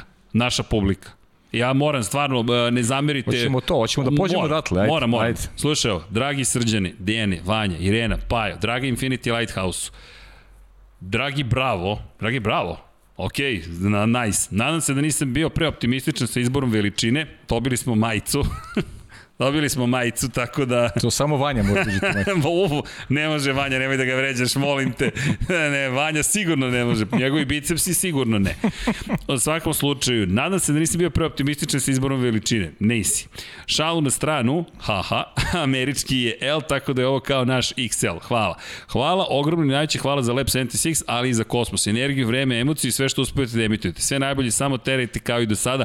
Stefan Stojaković. Stefane, hvala bukvalno Super, da, hvala, da. I, to su najlepše moguće emocije i o, hoćemo u tom svetu da nastavimo. hoćemo naravno. Vanja, hoćemo da vidimo one, one grafite ovaj, koje smo... O, ja, ja, ja, ovo je fenomenalno, Ove- ali to je da, to si ti Pajo izazvao. Gra, grafiti, gra, grafit u Kaluđerici, poštovani gledalci. Evo, pogledajte kako izgleda grafit u Kaluđerici. Momci, divni ste, stvarno. ali fenomenalno. Čekaj, čekaj, zašto kaluđerica? Pa dobro, kažu ja sam nešto pominjao Kaluđericu, ne znam iz, iz kog razloga. Ali Pravio sam jel rekao, vidiš šta sam pričao, kako je super ekipa. Vratno Ma, si fenomenalno. trolejbuse i vratno si spominjao Pa ne, da- što sam pričao. Šta sam? A, A, pričao sam da, da, da, le, muka. srđan je na letovanju, ja sam rekao da je u Kaluđerici. Kaluđerici. Da, bravo, jeste, letuje u Kaluđerici, bravo, Vanja, sve. Vidi, znaš. ja sam obišao... Šta ti je mlad mozak, razumeš? Ne, šta ti je mlad... šta ti je mozak? Šta ti je mozak? Šta ti je mozak generalno? On upravlja nama. Pa debe, mi smo ovdje Mi smo samo ikebane. I mi smo ikebane. Ja sam I- Alteri Bottas u stvari. ja ti si Valtteri, ja sam Bottas. Da, da, da, da. A, dobro, ti si šampion G i AP serije. To ti kažeš, tri, u svakom kažeš. slučaju. Bravo, Vanja se dalje ne smeje, vidi koliko je ozbiljno. A ne zašto se ne smeje? Zato što zna da će sedeti ovdje u utorak već. Misliš da je zato? Pa zato. Dobro. On se priprema Spremaj za gostovanje. Vanja. Priprema se za gostovanje. Vanja, samo polako. Pa Znaš koliko se suzdržavam sada, nemaš pojma. Pa verujem ti. Ali- E, znaš šta, ajde da se dotaknemo još jedne stvari, to sam najviše pitanja dobio. Da. Najviše pitanja sam dobio vezano... Krećemo s pitanjima i Da, odgovorima. ali samo najviše da kažem. pitanja sam dobio a, da li će i, i do kada sport klub prenositi Formulu 1 i MotoGP. Ljudi, e, nas dvojica o tome ne možemo da pričamo bez znanja direktora. Kad nam bude direktor rekao da stvari stoje tako i tako i možemo da da pričamo. Neka preliminarna znanja o tome imamo, ali mi o tome ne smemo da pričamo. Tako da ta pitanja nemojte da nam postavljate, ni- nisu, nisu prava Verujte mesta. nam, to je kao da spominjete Voldemorta, tako, mislim, da nema to, tog to je, filma to, ništa. Vi- Samo, samo on može da nam kaže imate pravo da saopštite to i to, tako da, eto, toliko o tome i, i ta pitanja više, ovaj, kada budemo imali neki info precizan, mi ćemo o tome da, da razgovaramo i to je to. Da. To ne, zaista ne, ne, prvo obično ne znamo. A kad Pa da, tako pretnje je. su takve da bolje da ne znamo. Tako da, Pa da, mislim. Nisu pretnje, to je molba, Nisu, prosto date da, nekom reč. Tako. Kažete, nemoj to nikome Pa da nije, kažeš. prosto ne možeš, da, reći. ne možeš da izađeš iz okvira Ne. svoje kuće, znaš, to su neka, zna se ko šta, o, o, To o je kome naš- govori. pa to je naš tim. Postoji hijerarhija, svako je zadužen za, za neku svoju onako oblast i neku delatnost kojom se bavi, tako da mi o tome nemamo šta da pričamo. Pri, pitajte nas o bilo čemu drugom, a o ovome o tom potom. Kad budemo imali dozvolu ili kada budemo znali, Tako je, mi ćemo pa, vam bukvalno. saopštiti, verujte, mi prvi želimo da znamo te stvari, Pa, tako je. zato što to na, nas na jednom pa emotivnom nivou baš Pa, mislim, dotiče. To je, je. najlepši posao koji možemo da zamislimo, Jeste. makar nas dvojica, to iz iskustva znam da, mo, da možemo da radimo. Upravo tako. Nije, nije čak ni posao. Uh, hoćemo dalje, na, na, hoćemo na pitanja. Ajde sad na pitanje ovo što, Pitanja. da, da, Ne, idemo. Čekaj, pre pitanja, udrite like, udrite like, like, like, like, like, like, like, like, like. Zašto? Zato što da treba da udarite, ne treba da udarite like, udarite ako želite. Ništa ne treba da radite, nemoj ni vi da vam govorimo šta treba ili ne treba. U svakom slučaju, Znači, znači ode F1 CSK. Pa, to je dobro. prvi zaključak. Pa dobro, kako god. Pa dobro, ljudi sad, znaš, vi možete da spekulišete, a ja, ja sam rekao kako stoje stvari. Nije, zna se, zna se ništa. hijerarhija, da. Da, da, da. O tom potom. A, dobro. E, za tebe je pitanje Deki Andrić. Da. E, ili ideš u Austriju na MotoGP i povrtak velikog Danije Pedrose? Nažalost, kako sada stvari stoje, ne. Hmm. Nažalost, kako sada stvari stoje, ne, ali možda se, sumnjam da će se išta promeniti, trenutno mislim da, da, da nećemo, neš, u planu su neki drugi trke, ali eto, držimo palčeve. Da. Može li Ferrari da pobede Frost? Naravno da može, mi tipujemo na pobedu, samo što se razlikuje između nas, Leclerc i Sainz, ali ja zaista verujem da Ferrari može da pobedi. Mislim, ja zaista, rekao sam, Charles Leclerc je moj tip, to, to je to. E, pitanje mišljenja o našem F4 vozaču Filipu Jeniću. Prvo, fantastičan momak. Fa takav kult, tak, toliko kulturno jedno stvorenje, jedno biće fenomenalno. Nisam imao priliku da upoznam dečka, Ti ali nisi bio tu to veče, ali mi smo Žao ga mi, upoznali mi žao. i mi se nadamo da ćemo moći da ugostimo Filipa kada bude u Beogradu, da će nam se pridružiti baš da pričamo o njegovoj dosadašnjoj karijeri, ko je, šta je, kako je, šta se to događa u španskoj Formuli 4 i da, da, da, da imamo eto ponovo gosta u, u, u studiju, radimo na tome, radili smo malo, otvorili smo drugu stranu studija, gledam sad šta je sve promenjeno. Ja odem, Vanja uzme stvari pod svoje, jednu, fu, desi Pa deo, se, okrečio čovjek.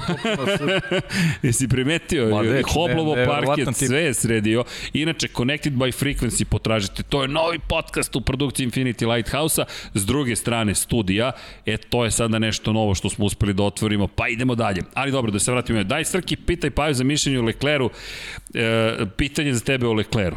Mateo Lovrić, mislim da, se, da su mišljenja podeljena, veruju da, da, da ne voliš Leclera. Da, da Ne, nije da ga ne volim, pa nema šta ja tu da volim i da ne volim, samo mislim, ja sam rekao, vo- volao sam Senu i nema tu šta sad, volim i ne volim, samo imam neko mišljenje. E, Ferrari, Ferrari je institucija, Ferrari je ekipa koja mora se bori za titulu. Samo postavljam pitanje, ja kontra pitanje, da li je Leclerc taj koji može donese Ferrari u šampionsku titulu? Ja nisam siguran. Evo, Amir pita, šta da uradi Leclerc da ga Pavle pohvali? Ali ja mislim da ga je Pavle pohvalio. Baš A milion puta sam ga pohvalio, Yes. baš za ovu trku sam ga pohvalio. Samo pričamo o nečemu, o kontinuitetu. Jer ne vozi Leclerc za za Williams trenut pa kao napravi dobar rezultat i sad super, nego mora da ima u kontinuitet dobar rezultat. Mora svake nedelje da to bude vrhunski nivo. E, kad dođe Ferrari do vrhunskog nivoa, da li je, Fe, da li je Leclerc taj koji možda bude šampion u konkurenciji Maxa, Hamiltona, znaš, a- a- Landa u budućnosti, da li on može da pobeđuje Landa u kontinuitetu? Ajde da ne idemo do, da ne idemo do Maxa i do Luisa. Ajmo da se zustavimo na A Landu. već tu je problem, on je trebalo da bude sa Maxom i Luisom, ali Ferrari mu to ne omogućava, budimo realni. Realni, realno sam popuno, ja pričam popuno realno u sklopu onoga što je Ferrari trenutno. Ali kažem, u Ferrari, ukoliko bude napredovao kao ekipa, da li je Leclerc taj koji može da bude lider projekta? Ja u to nisam siguran. Samo to kažem. Ali Jasno. Le, Leclerc je, i Leclerc je vozač iznad proseka. Nema, nema šta tu ja da volim i da ne volim. Čovek je veliki talenat, ali nisam siguran da je šampionski kalibar. Samo o tome govorim. Da, ima tu još pitanja, baš na primjer da li bi Kimi mogao da ostane kao mentor Schumacheru, pa to je bila jedna od ideja, ali se zaista postavlja pitanje Kimijeve motivacije u ovom trenutku. Delo je, inače nikad nije on baš odisao motivacijom s polja, ali se videla motivacija na stazi, u brzini, u startovima, u bitkama, u odbrani pozicije. Sad to nekako kao da nam je nestalo. Možda je samo trenutno o, o, možda je to samo neki utisak. Odoše dve legende sa SK. Pa da, a znao ne, ljudi, da će biti reakcije ljudi. Pa, ljudi, ali da, ne, ne, ne, ne, ne slušaj, ne slušaj nas uopšte. Da, pitanje je da li ti Gasli dalje bolji od Leklera? Da li mi Gasli bolji od Leklera? Da. Moram priznati da ne se nećem da sam to izjavio, ali, ali ja mislim... Ja se toga ne sjećam. Ja se ne sjećam, ali, ali dobro pitanje zato što, zato što ja, ja Gaslija mnogo cenim i, i ako me pitate kada bih birao Gasli i Lecler, ja bih izabrao Gaslija. Eto, iskreno. Čekaj, nešto šta nismo uradili odavno. Ko pobeđuje u nedelju? U, ma, u Mađarskoj. Evo, evo, evo, evo recimo, ja tipujem na Leclera u nedelju. F1 2021. Znači nisam neko ko ne pošto ili ne voli Leclerc, naprotiv. Evo, slabo ćemo da stavimo par opcija. Koliko opcija imam? Imam četiri. Evo, stavili smo. Pa da vidimo, stavili smo za svaku ekipu po nešto. Inače, koja vam je najdraže staza? Pita 94 mas ne za nas dvojcu. Ja ne mogu kura čovek je da. donirao. Hvala. Hvala, ne mogu da razdvojim dve. E, meni su Spa i Monza dve najdrže staze. A znam koja je tvoja. Koja je? Suzuka. Molim vas, gospodin zna, ako vidite da se neko vrti u, u nekoj od igrica po Suzuki, budite sigurni kogod da je u studiju, to sam, da šta god da mislite da je studiju, kogod da je u studiju, to sam ja. Ja Suzuku obožam, pa ja nemam pojma koliko puta sam je vozio. Da, meni, meni je najdrži, najdrži deo sezone su mi Spa Monce, one dve nedelje. Sad su razdvojeni, ok, imamo trostruki vikend, Ali udenuo se Zandvort između te dve ne, trke. Loše. Ne, ne, uopšte nije loš, naprotiv, biće jedva čeka. Biće ludnice. A pazi ovo, uh, Silverstone, Hungaroring koji ima neku svoju priču, pa Belgija, pa Zandvort, pa Italija, I onda u nastavku, sad, toga neće verovatno biti, ali lep je bio taj moment, odeš u Rusiju, pa onda Singapur, pa dođe Japan, pa Malezija. Šteta što Malezije više nema u kalendaru Formula 1, ali kako su to dobre trke. Da, ali znaš šta je u celoj priči nije loše što jedno džak za spavanjem i ja ne znam ni gde mi je u kući. Ne, ne, ponavljaš previše puta, Pajo, desit će nam se neki šestostruki vikend u Japanu. Pa šta da radimo, da, da. se, ispoštovat ćemo. Ispoštovat, naravno ćemo da ispoštujemo, ali dobro. Mišljenje o Kimiju, pa ne, već smo ga izneli, ljudi. Sve najbolje, je, bo, sve to je najbolje, legenda. to je, što bi rekao Rambo Modeus Mega Car. da, e, navijači, samo da vidimo, a kako bi se Mix našao Alfa Tauri umesto Cunode. Pa, verovatno bolje, ali sad nije ni pravedno poređenje, dobio nije, nije sezonu više, poređenje. ali ta, taj program teško da će videti. On je čovek ili u Ferrari ili Mercedesu, to su dve fabrike koje će biti za Schumachera, tu, tu ja ne vidim ništa drugo osim ta dva ishoda. Jer Schumacher, ove godine se ne spomenje toliko, ali ljudi, on je, on, on je toliko značajan u, u Nemačkoj, kao Vanja što često spominje u Ameriji, e to, JJ Watt, jesi video Vanja? Si video, naravno da si video. JJ Watt, inače jedan od ključnih igrača u američkoj, u NFL-u. NFL-u je rekao do skora sam o Lewisu Hamiltonu, sam znao samo da postoji Lewis Hamilton u Formuli 1, sada već počinjem da se interesujem za šta je rekao, downforce, za pri, sile prijanjanja, za aerodinamiku, počinje da uči, Mercedes mu se javio odmah i rekao, to je, pazi, mega zvezda, I ba, tako da to jedan lep spoj, onda 99 yardi, lep 76, SK NFL, SK F1, fantastičan mi je taj spoj, ili ima tu između tih sportova neka, neka veza postoji. Ba ima ljudi između svakih ali, sportova, na što je... Ali mi je fenomenalno kad vidim nekako kao da je to, prenosiš jedan sport i onda se pojavi u drugom sportu, fantazija, nego je Vanja često to govorio koliko Lewis Hamilton poznat u Americi, na primjer, kroz svoje aktivnosti. Inače, to sam zaboravio da spomene, a to je veoma važno. Pokrenuo je misija 44 fondaciju i svaka mu čast na tome. Još jedna stvar koju, ko, o, o tome, e, e, često se, Lewis Hamilton je čovek koji polarizujuća ličnost svakako. Ili ga volite, ili ga ne volite. To otprilike trenutno je takva situacija. O rasizmu reću ne da pričam, to je besmisla, besmisla. O tome smo rekli, tome pričamo od Phoenix, ovde nema toga. Dakle, nacija, pol, rasa, to nas ne zanima. Samo šta radite i kako se ponašate, samo to priznajemo čovek je rekao da će dati 20 miliona funti kao snimački kapital, to je oko 28 miliona dolara, ajde negde možda 23 miliona eura kako bi ličnog novca, kako bi pokrenuo fondaciju misije 44 i pokušao da, da pomogne mladima koji nisu dovoljno, grupama koji nisu dovoljno zastupljene u Britaniji.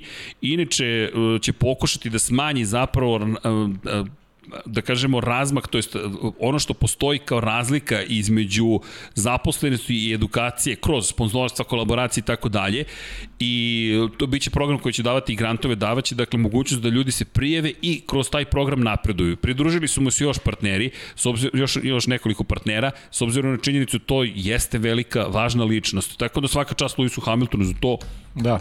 Bravo, Kad si zaista. pričao, pričao o toj vezi sportova, naš, mislim nešto što vama sugerišem, interesantno da. je onako jedan iz, iz sveta futbola, čovjek koga mnogo volim privatno i e, jedna divna osoba, Vladimir Remezović, bivši trener Partizana koji je i moj prijatelj, inače veliki ljubitelj Formule 1, ali veliki ljubitelj NFL-a.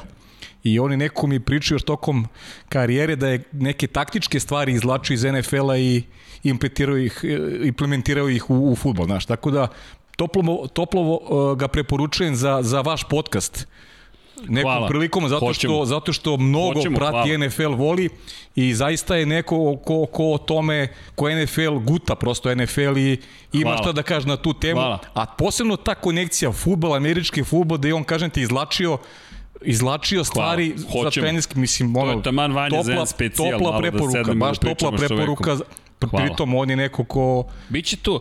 Pri, pazi, on je neko ko priča koliko hoćeš, mislim, Vidiš on ima šta da kaže. drugu stranu univerzuma, kako je, je polako pripremno. Veruj, veruj mi, bit će mnogo interesantno, sigurno. Inače, Đeras 7 e, kaže level up i donirao je 500 dinara, level up. A, neko pita zašto ne govorimo o utaj poreza kod Luisa Hamiltona i istrazi. A, ni, pa, čujte, ljudi, a zašto mislim, bi pričali utaj poreza? Mislim, ajmo ovako, ne bežimo mi od toga, naprotiv, ali mm, ajde, kada je već spomenuto što, koji novac daje, uh, da, bit će vjerojatno pod istragom, moram da proverim kojom istragom, ali ne sumnjam. Zašto? Zato što većina ljudi traži uh, stanovanje, na primjer, u Monaku, zahvaljujući nižim porezima. Ali moram nešto da kažem.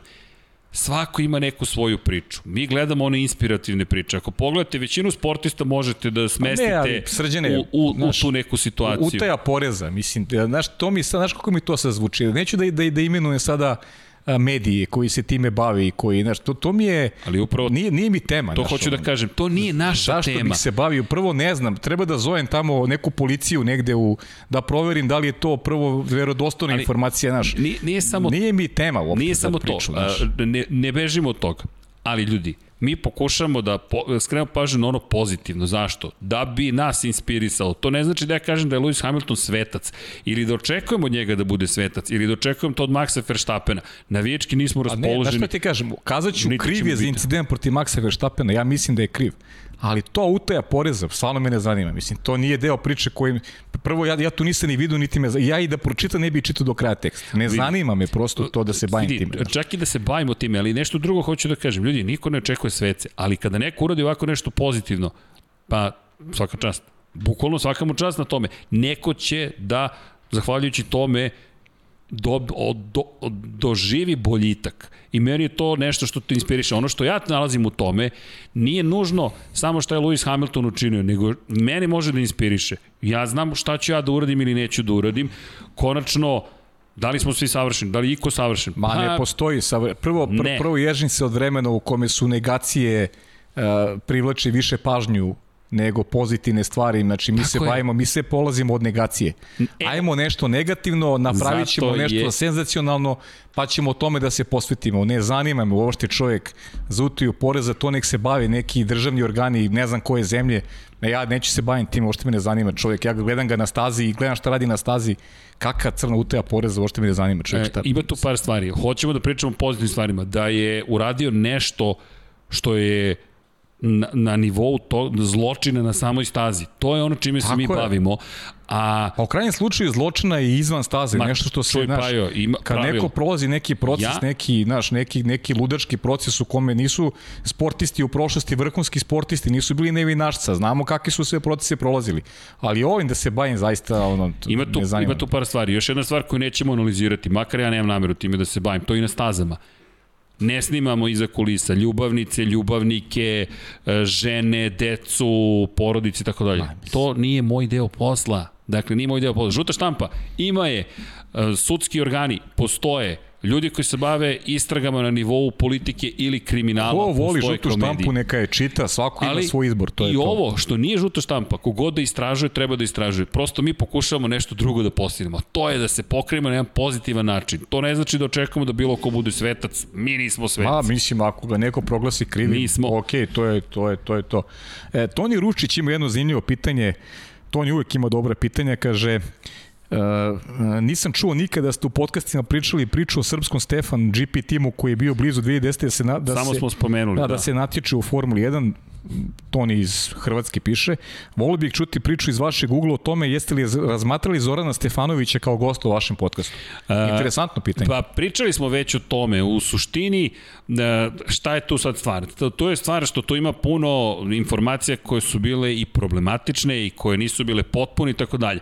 Ali svakako treba proći kroz sve te priče. I, ali to, eto, na primjer, to da bi se uradila ta priča mora baš da se prođe sa mnogo sagovornika. Kada se ukaže prilika, ja se nadam da ćemo to zaista ispuniti. Zašto? Zato što to zaslužuje pažnju i mnogo ljudi zanima šta se tu zapravo zaista desilo. E, inače, na, na tu temu, Mihajlo Karadžić, e, hvala, donirao 250 dinara, čovjek pita, da neko iskešira veliku sum novca i poveri vama posao postavljanja Srbije na mapu u Formuli 1 ili Moto Grand Prix, koji bi bili vaši prvi koraci? Pozdrav. Ako pričamo o budžetima koji to omogućavaju... Pa, sim, zavisi šta je budžet. Pa dobro, ali ajde da kažemo da su to budžeti koji to omogućavaju. Uh, to ide u nekoliko koraka. Dakle, kreće se prvo od nižih kategorija. E, iskreno, ne bih se toliko oslonio na, na, na to da ćemo u Srbiji ili bilo kojoj drugoj zemlji regiona odjednom moći da formiramo takvo takmičenje. Morate da se izmestite iz regiona. Nažalost, ali tako je. Mi nemamo adekvatne trkačke staze. Trenutna situacija u Savezu, takva kakva jeste, je, do, je jednostavno dovela do toga da mi nemamo ona takmičenja koje bi trebalo da imamo da bi se na jedan način koji će otvoriti vrata međunarodnim takmičenjima desiti. Prosto to je tužno, ali to je činjenično stanje. Dakle, klinka, klinac, klinci, klinke, kako god, moraju da imaju tim koji može da im omogući nastup u nekim drugim kategorijama. Idealno bi bilo slično slično Filipu, dakle da se ide Formula Ford, na primjer Formula 4, pa da se traži e, da li, e, ne bih išao na kup takmičenja, išao bih pre svega na jednosede, dakle ka, da se stigne do Formule 3, je to Formula 4 je super put da se do toga dođe. Ono što je neophodno pored budžeta, očigledno da se radi na talentu. Mi imamo strukturu tima kako se formira ekipa. Mislim da smo to čak svojevremeno ispominjali. Ako nismo vredi spomenuti, inače u, u toj celoj priči šta je to, šta je nešto što su nas, hajde, naučili pametniji od nas, a, a to jeste zapravo priča o tome da kada formiraš tim, najvažnije da tvoj vozač, vozačica razmišlja samo o stazi i vožnji. Međutim, pošto su to mladi ljudi, dve stvari moraju da ispune. A to su školovanje, školovanje, školovanje, školovanje i trkanje. Zašto? Bez školovanja nema budućnosti. U svakom smislu te reči. I evo, mi imamo i viziju kako bi bila struktura, ovo je bilo za motociklizam, slična je priča, šta bih gađao? Kup talenata bih gađao i potom juniorsko svetsko prvenstvo u motociklizmu. U glavi postoji već plan i onda Moto 3, pa Moto 2, pa Moto Grand Prix. Ali tu sad ne mora čak ni Pablo, tim da se osniva. Znaš šta mislim? Da je izmisljivo pitanje, znaš? Zato što ovo me priča već dve godine. Pa pričamo... mi kao da izmislio pitanje. Nisam, stvarno je čovjek postavio pitanje. Inače, evo vam struktura tima. Imamo četiri stuba. Vozači, garaža, fabrika, fabrika, dakle tamo gde popravljamo, pravimo, ali u suštini kupujete i radite sa, nadam se, fabričkim timom i kancelarije. Vozač 1, vozač 2. Menadžer ekipe, vodi ceo tim. Za svakog vozača imate glavnog inženjera, analitičara podataka, to mogu da budu dvostruke uloge, pošto ne znači nužno da ćete imati resurse ili da vam je potrebno toliko ljudi, ali ako kažemo resursi ili ti novac nije problem, specijalista za oslanjanje, specijalista za motor, glavni mehaničar i mehaničar. To je malo preterano, ali to je tako. Boži znači. Boži, tako je. Boži, Boži. Boži ja gledam Boži, Božija i gledam Boži. još jednog mehaničara koji se povukao iz svetskog prvenstva u motociklizmu. Back office, morate da imate izvršnog direktora koji vodi sve to, bukvalno sve to vodi glavnog marketinškog menadžera, to je direktora marketinga. Zašto? Zato što, da bi to uspelo, svi moraju da znaju. To znači, mediji da budu obavešteni, da budu obavešteni svaka novina, svaki magazin, svaka televizija, imate YouTube kanal, upravljate svojim profilima na društvenim mrežama, bukvalno da svaki video, svaki post postavite na vreme, odgovorite ljudima, zatim pravnik, moraš da imaš pravnika ili službu kancelariju advokatsku koja te podržava. Travel and Logistics Officer, to znači da morate da imate čoveka, damu, kako god, koji će, da, ljudi, ovo nije, nije šala, mi smo, ja sam makar ovo ozbiljno razmišljao. Pa ne, vidim, vidim. Rezervacije, vidim rezervacije hotela, rezervacije karata, uh, ata karneti, uh, špedicija, ko ti upravlja, uh, ko kupuje gorivo, ko ti obezbeđuje pozvole. Gde je Vanja u toj priči? Ko, Ko Vanja? Pa. A? Šta je ono? CMO, pazi, marketing, to mi nega, da, vidi, da, da. Mada, a, Vanja, pa Vanja ti je šef produkcije zapravo. Zatim, moraš da imaš ličnog trenera koji na fizičko, psihofizičkom, na fizičkom nivou pre svega radi sa tim klincima i psihologa koji radi sa, na, sa glavom. Kuvara, zašto kuvara? Zato što moraju da se hrane na najbolji mogući način. Zatim imaš prodavca, glavni prodavac. Šta prodaje glavni prodavac? Zadužen za prodaju sponzorstava. Zadužen je za prodavu, za prodaju, prostite, merchandise, to jest promotivnih reklamnog materijala, majici, kačketa, Znaš šta me zanima svega. samo? Ko, si nap, imaš računicu koliko bi to sve moglo Imam. da košta? Biznis plan. Zatim hmm. imaš merchandise menadžera, to ti je čovek koji je zadužen za da se sve to odštampa, nabavi, baci u magazin. Pored toga, PR menadžera mogu da bude ista ličnost da radi više poslova. Neko ko će biti dobar s novinarima, neko ko će ih dovesti na trko, neko ko će da ih mazi i pazi, šalje im izveštaje, zove ih, ej, nemoj da zaboraviš da o Filipu objaviš informaciju. Zatim, social media manager, to on je pod direktorom marketinga. Grafički dizajner, zašto? Moraš da imaš autentični izgled, ime, prezime, kako, šta se tu događa. Web dizajner, full stack web developer, zašto? Zato što je sve to na digitalu sada dostupno svima. Tvoj website mora da bude i prodavnica, to smo sve naučili kroz Lab 76. Mora da ti bude sve spremno i pod tvojom kontrolom. Ako nije, potrebaće. I, pazi napomenu, postscriptum, vozač kamiona mora da bude sposoban svako da bude. Dakle, svako mora da ima C kategoriju i, da i E kategoriju. I mora da imaš i komentatore. I moraš da imaš komentatore. Dakle, eto, imamo strukturu tima, čisto da znate, I imamo košta? i viziju. Pa sad. Biznis plan? E, znaš kako, biznis A? plan za Moto3 kategoriju, za Moto3 kategoriju, jeftinija verzija je 500.000 evra godišnje, Dobro. skuplja verzija ti je oko milion i nešto. I to ti je dosta jeftinija verzija ovih 500.000. Zašto? Zasniva se zapravo, zapre, pa na ozbiljnoj kalkulaciji zapravo napravno sam pričao sa Dornom o tome i zasnovano je na tome da imaš manje ljudi, jer head count ili ti ljudi su naj najskuplji. Tako da ako manje ljudi obavlja više poslova ili ti umire na tom poslu 24 časa dnevno, to iz iskustva Vanja može da potvrdi, Don Pablo nešto mi ovde reaguje, posle ćemo da razgovaramo, ali činjenica je da zasnovano na entuzijazmu. Ako smanjimo nivo entuzijazma, onda ti to milion evra. To je za svetsko prvenstvo. A, mogu da kažem nešto na kraju? Molim te, naravno. Ako imate 500.000, javite nas. Sve ćemo da organizujemo. Nemojte brinete. Sve ste čuli, znači pe, treba vam samo 500.000, ništa više. I to je to. Već imamo plan, ali opet da se dotaknem Patreona, jedan od ciljeva, jedan od mojih snova jeste da skupimo nas se dovoljno i sad zamisli sledeću situaciju. 10.000 ljudi da 50 evra godišnje. Godišnje pa je. Dobro, to je, ima, ima logika. Godišnje, to je 5 evra mesečno, 10.000 ljudi da da. Ne zavisiš od velikog sponzora, ne zavisiš od malih sponzora, to je grupa ljudi koja se skupila i to piše I nas 10.000 imamo ekipu. Imamo ekipu. Eno, juče je bio, Vanja, su se našli akcionari Green Bay Packersa. Znaš ko su akcionari Green Bay Packersa? To je opet Opet. Jajasta lopta. Jajasta lopta, što bi rekao gospodin Andrijašević. Da, da. da. Pa ja to kako. Da, tako pa to je to. Znaš kako, gde, gde se održava skupština? Na stadionu Green Bay-a. Zašto? Zato što su svi navijači zapravo suvlasnici. To ne znači da svi upravljaju, ali imaju svoj glas, imaju svoje, imaju svoje jas, svoj glas kao nešto što mogu da kažu upravi. Uprava postoji. Sami si na ovim prostorima 10.000 Pa zamisli 10.000 navijača automotosporta. Zamisli 10.000 vlasnika stadion, Pa bilo bi kakafonija, ali bismo uspeli. Malo nezgodno, znaš, ne možeš ne, da govoriš na nivou zgrade. Ne, ne, ali, sa, zato, sa ali upravni odbor je taj koji seče na kraju. Dobro, i to je to, okay, da. Znaš, ti, ali si ti u celoj priči deo nečega većeg.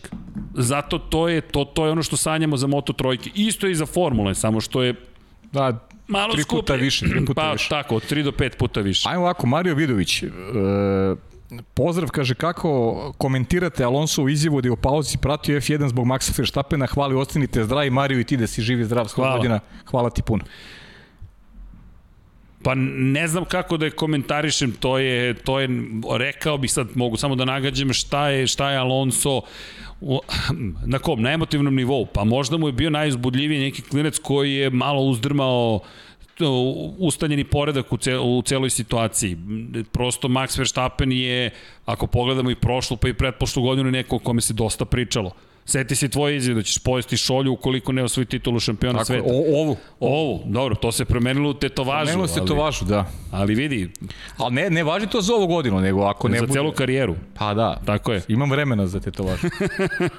Ali baš me zanima šta bi ti Dom Pablo tražio da tetoviraš. Ne, je... ne smije da pomislim. Da, i dalje Sirila bi Tobol zapravo se istetovirao. Izvinite sad što sam malo oduzeo vremena, ali na takva pitanja koja bude, to je ta emocija. E zato ja ne, ne hoću da analiziram šta je Hamilton uradio pozitivno, šta je Alonso uradio pozitivno. Pa dobro, da, rekli smo, nećemo se... On, mislim, Ali ne, ne, samo hoću da kažem, to su te pozitivne stvari. Eto, ako možemo se skupimo i da napravimo timove i da, eto, osvojimo svet. A pazi Dorijan Tiček šta kaže. Da. Da. Za Vanju Streke dolazi u emisiju kad Ferrari pobjedi. A šta treba onda za Dom Pabla? Nadam se da ne naslov Ferrari i onda sledećih minimalno 10 godina nećemo vidjeti Dom Pablo u lapsu. Znaš šta mi je Dom Pablo pokazao? Šta? To, opa! Vrlo je jednostavna Opa, situacija. znači, plati. Ne, ne, Don Pablo, da li otkrivaš identitet ako Sebastian Vettel osvoji titulu? Ne. Dobro. Samo novac. Samo lova. Znači. Samo lova. Ne, Eto, samo. doniraj, donirajte da bismo otkrili. materijalista klasični. Ja, ajde da napravimo prikupljanje novca, pa napravimo, samo reci cifru Don Pablo, Milion. O, Opa. milion, pa jeftinije. nam je- Čega? Čega? Ćevapa. Kaže, evo. Milion ćevapa. Pa lakše ćemo Fetela da angažujemo. Eto. Pitanje za sve, E- Emanuel Cetinji, šta mislite, kakav će se Max vratiti psihički u Mađarsku i da li mislite da će Red Bull napraviti bolji lošiji bolid nego što je bio pre Silverstona? Veliki pozdrav za sve. E, to je lepo pitanje, to je ono čo, o čemu smo diskutovali na početku Ne podcasta. znamo. Prvo za bolid nemamo pojma kakav će biti, a to pitanje kakav će biti e, mentalno, kakav će biti fizički, e, psihički, to je ono što sme se, dotakli smo se s početka i to je teško proceniti. Mislim da će svako biti agresivniji. E, Rekao sam iz, iz svoje prizme, neko ko i- i- ima iskustva životnog, da ne bih bio ravnodušan posle onakvog incidenta sa Lewisom Hamiltonom, a kamoli neko ko je mlad čovek i onako i adrenalin i, i ne znam, želja za šampionskom titulom ogromna, tako da pitanje je kako će Max da reaguje. Ne bih smeo da se kladim da će reakcija biti onako staložena i mirna kakav je Max generalno bio tokom dosadašnjeg dela sezone. Pa znaš kako, nemam, nemamo odgovor. To je zato jedva čekam eh, veliku nagradu Mađarske. Iskreno jedva čekam veliku nagradu Mađarske baš da bismo videli neke od tih stvari. Jer mi smo sada u situaciji da imamo previše otvorenih pitanja. Šta, šta će biti ukoliko, ne znam, Ferrari zabeleži dvostruku pobedu, šta ako Verstappen bude peti u kvalifikacijama, šta, zato je ovaj vikend još spektakularniji, a pride nastavak njihove borbe i, i, i onoga što gledamo cele sezone, to jeste direktan duel dva velika šampiona. U devet prethodnih trka, mi smo došli do toga da njih dvojice imaju osam pobjeda. Jedino je Perez uspeo da prekine taj niz i to posle pucanja pneumatika Maxa Verstappena i izletanja sa staze Luisa Hamiltona. Evo, Mate Pavlović pomenio ozbiljan psihološki udarac za Maxa, ali mislim da se to vidi u njegovim izjavama, to je si to ti lepo rekao. Bio je smiren, staložen, hladnokrvan i kada je pobeđivao i kada je gubio. Posle Španije je bio vrlo staložen kada su izgubili. Posle svih pobjeda koje je zabeleži pol pozicije bio je vrlo staložen. Ovo će biti vrlo interesantno. Pitanje Bić. za mene, kaže da li sam igrao F1 Marriage 2000. Ne, moram priznati da nisam igrao, ali mogu da bacim pogled. Boris Trutin kaže Vanja kreči garažu. Kaže GP Balkanci, kaže... E, GP Balkan, dobro E, pitanje, bravo, pitanje. može, dobro pitanje. Mercedes ima 8000 obrtaja u sekundi Da, da, dobro na startu, pitanje, svi ostali imaju 10.000 na startu, da li to utiče na performansi ili štenje motora? Ima tu, ima tu nekoliko stvari. Mercedes ponekada startuje čak u drugom stepenu prenosa. Ne znam da li ste to obratili pažnju na to, na primjer, kada, ali pogotovo po kiši to rade. Zašto? Pa u pokušaju da izbjegnu proklizavanje točkova. Ali moram priznati da nisam ovo primetio i moram to da vidim. Ono što je tu problem, da bismo odgovorili na to pitanje precizno, tu će nam možda Šejla pomoći, pozdrav za Šejlu ukoliko sluša sledeći put kada se završi Hungaroring, kada nadam se ponovo budemo radili analizu krugova, da li kvalifikacionih, da li pripremnih za trku, zašto? Pitanje je kako je podešen prvi stepen prenosa.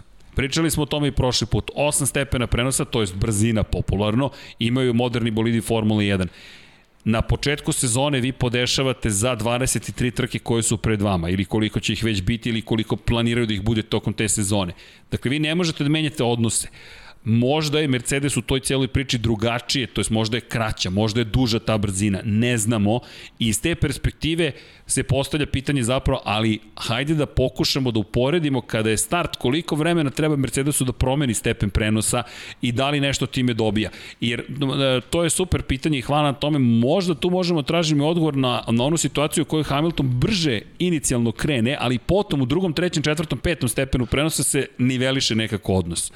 Tako da to je baš da. interesantno. David Bastalec, izvini David da. ako sam pogrešno akcentovao prezime, E, dobro večer ekipo, koliko može Fetel na Hungaroringu i gde će Mick Schumacher 2022. Alfa ili Haas, pojavila se vijest da će Mick potpisati novi ugovor sa Haasom, pričali smo o tome da je neko, nama se, nama se čini da, da je Alfa Romeo neko logičnije rešenje, rešenje, nisam siguran šta može sa Haasom, pazi, postoji mogućnost da Haas se priprema ozbiljno za 2022. godinu, verujem da to svi timovi rade, ali s obzirom na potencijal, na neki budžet tima, ja nisam siguran koliko Haas može da napravi neki iskorak u odnosu što su vrednosti rezultatski u prethodnoj ovoj sezoni, tako da Mik prepostavljam da traži način da se domog nekog boljeg položaja, Ferrari mu traži bolju poziciju, nekako mi deluje realnije da je, da je Alfa Romeo negde, negde u igri. I kaže David i sledeći tjedan Srki Paju i Deki osnivaju svoj tim u Formula 1 2021. Hvala Davide, uživaj i čujemo se ponovo da vidimo još. Imaš još neke pitanja? E, Nemanja kaže, zaboravio se branje Leclerc od Hamiltona na Spa i Monci prve godine u Ferrari, samo dobar bolid i Leclerc grize sve. Nemanja, mi se nadamo, evo Don Pablo odobrava, certified by Don Pablo, nadamo se da će Ferrari dati dobar bolid, pa da ga zaista tu, tu i, i, i, i vidimo, to bi bilo super. E da, E, ima tu jedno, ima jedno pitanje. Koje staze očekujete da popune kalendar? Uf, to je pa to, to je i odlično ono, da. i teško pitanje. Znate teško, kako? Teško. Trenutno, trenutno se spekuliše da verovatno Japan nećemo posetiti ove godine. Umesto Japana, pošto to dolazi odmah posle Japana, trenutni plan je ovakav. Mađarska koja je sada na programu. Belgija koja je na programu 4 nedelje posle Mađarske. 7 dana posle Belgije, Holandija. 7 dana posle Holandije, Italija. I onda, trebalo bi da idemo u Rusiju. Rusija deluje mi da će organizovati trku, da tu neće biti previše pitanja. 26. september je datum za Soči. Sedam dana kasnije, mi smo u Istanbul parku. I sad, plan je bio da se već sedam dana kasnije svi pojave na stazi Suzuka, moj obiljenoj, u Japanu. Ukoliko, a teško je da će se održati trka, odustanu. Ja ti omiljena pesma, ono moja mala sad u Japanu, primim. Jao, pa jo, moramo da organizujemo onaj Lab 76 broj 100 da odemo u kafanu pa da ti pričam dobro, hoćemo, o, o Japanu. Ajde, hoćemo, ajde, hoćemo. To moramo da spomenemo. Dakle, Suzuka je trebalo da bude 10. oktobra, još uvijek je tu, ali se postavlja veliko pitanje. I sad, Jedna od opcija je da se ostane u Istanbulu, da se održi dvostruka trka u Istanbulu. Druga opcija je da se zapravo pomeri datum održavanja trke na 17. oktobar i da se ode u Sjedinjene američke države, da se održe dve trke na Koti, dakle 17. i 24. oktobra, a potom ode u Mexico City. Postoji čak mogućnost da umesto toga se održi ranije trka u Americi dva puta u Mexico City. E sad, čisto da stvari budu komplikovane, kompleksne svakako, kažu da možda neće čak ni biti trke u Meksiku. Što nas onda dovodi u situaciju da ukoliko nemamo ni Suzuku i nemamo posetu Mexico City-u, Amerika mora da održi bar dve trke. Ali onda se otvara mogućnost da imamo dve trke u Turskoj, pa dve trke u Americi. I još jedna od situacija koja se tu otvara, Brazil. Da li ćemo uopšte ići u Brazil? Brazil je zakazan posete Interlagosu za 7. novembar. To je 7 dana posle planere trke u Mexico City-u. 21. trka TBA, to be announced, ili ti biće saopšteno. Ne znamo šta bi tu moglo da bude, međutim, Iako sam pozdrav za Borisa Trutina, on me baš pitao za Kater i rekao sam, mislim da su male šanse, ali šanse izgleda da su mnogo veće nego što sam mislio. Velika nagrada Katara u Dohi, staza Losail, poznato ljubiteljima Moto Grand Prix, lobira ekipa, to jest vlada, ne povlačim to ekipa, izvinjam se, ne, ne baš adekvatan način, ali ljudi koji organizuju, da opišem neke stvari, ljudi koji organizuju potencijalnu veliku nagradu Katara u Formuli 1 su se već javili Formuli 1 i žele da dovedu zapravo na bliski istok Formule 1 s čim nas to spaja? Ukoliko ne bude posete Brazilu, može da se desi da se opet pomeri jedna od trka i da imamo zapravo trku i u Dohi i ponovo u Bahreinu. Pa onda nastavak u Saudijskoj Arabiji, Džeda i kraj u Abu Dhabiju. Tako da trenutno je mnogo potencijalnih pa, kombinacija, da. ali se svodi opet na ova nagađanja, otkazano ono što znamo i što je već i prošlo, velika nagrada Kine, velika nagrada Kanade, velika nagrada Singapura i velika nagrada Australije, koja je prvo bila, inače Kina još uvijek stoji kao odložena trka, ali ja ne vidim da će se u Šangaju... Odložena za 2022. Da recimo. Bogdan Vicanović kaže, pozdrav za ekipu, a pitanje glasi, da li, ste, da li ste za to da prilikom crvene zastave nema nikakvih popravki u boksu, kao što je bio slučaj sa Hamiltonom posljednjem trci, pričali smo pod, u posljednjem podcastu, apsolutno smo za to. Da. Apsolutno da se I, to pravilo promeni. Ali da ne od sada. Pa ne. Od za, 2013. ti ja to ponavljam. Tako je, da, da to bude zauvek. Jer u Monaku 2013. Sebastian Vettel de facto je odbranio pobedu, to je odbranio prvo mesto zahvaljujući tome što smo došli u situaciju da oni mogu da menjaju šta god žele. I, i znam da smo bili u šoku, dobili smo jednu sjajnu trku, mislim da je 2013, ako se dobro sećam, u kojoj imamo najzad trku u periodu dominacije Sebastiana Fetela i Red Bulla I mi dolazimo u situaciju da kažemo, čekaj, uh, ne, 2011. je bila, 2011. moja greška, 2011. i imali smo crvenu zastavu. Ako me dobro seća i služi, mislim da, sam, da, da, da, je znam da je Monako bio i da smo imali crvenu zastavu, da li je 2000, jeste, 2011. Znam da su, da je ili 11. ili 13. period dominacije Fetela, uh, ali 2013. nisam siguran da je slavio u Monaku. U svakom slučaju, od onda mi ponavljamo da nam se to ne dopada. Zašto? S obzirom na činjenicu da je imao šansu zapravo u toj situaciji u sred Monaka Fernando Alonso da možda čak i pobedi u direktnom duelu. Tako da je to bilo zanimljivo. Niko ne bi ugrozio osvajanje titula Sebastijana Fetela, ali uz, uz celu dominaciju Fetela u tom trenutku, Mi dobijamo crvenu zastavu, oni promene sve, uključujući gume i to je kraj priče. Isto kao sa Hamiltonom, u pa, periodu dominacije Hamiltona imate istu situaciju. Eto. Imaš još neko pitanje?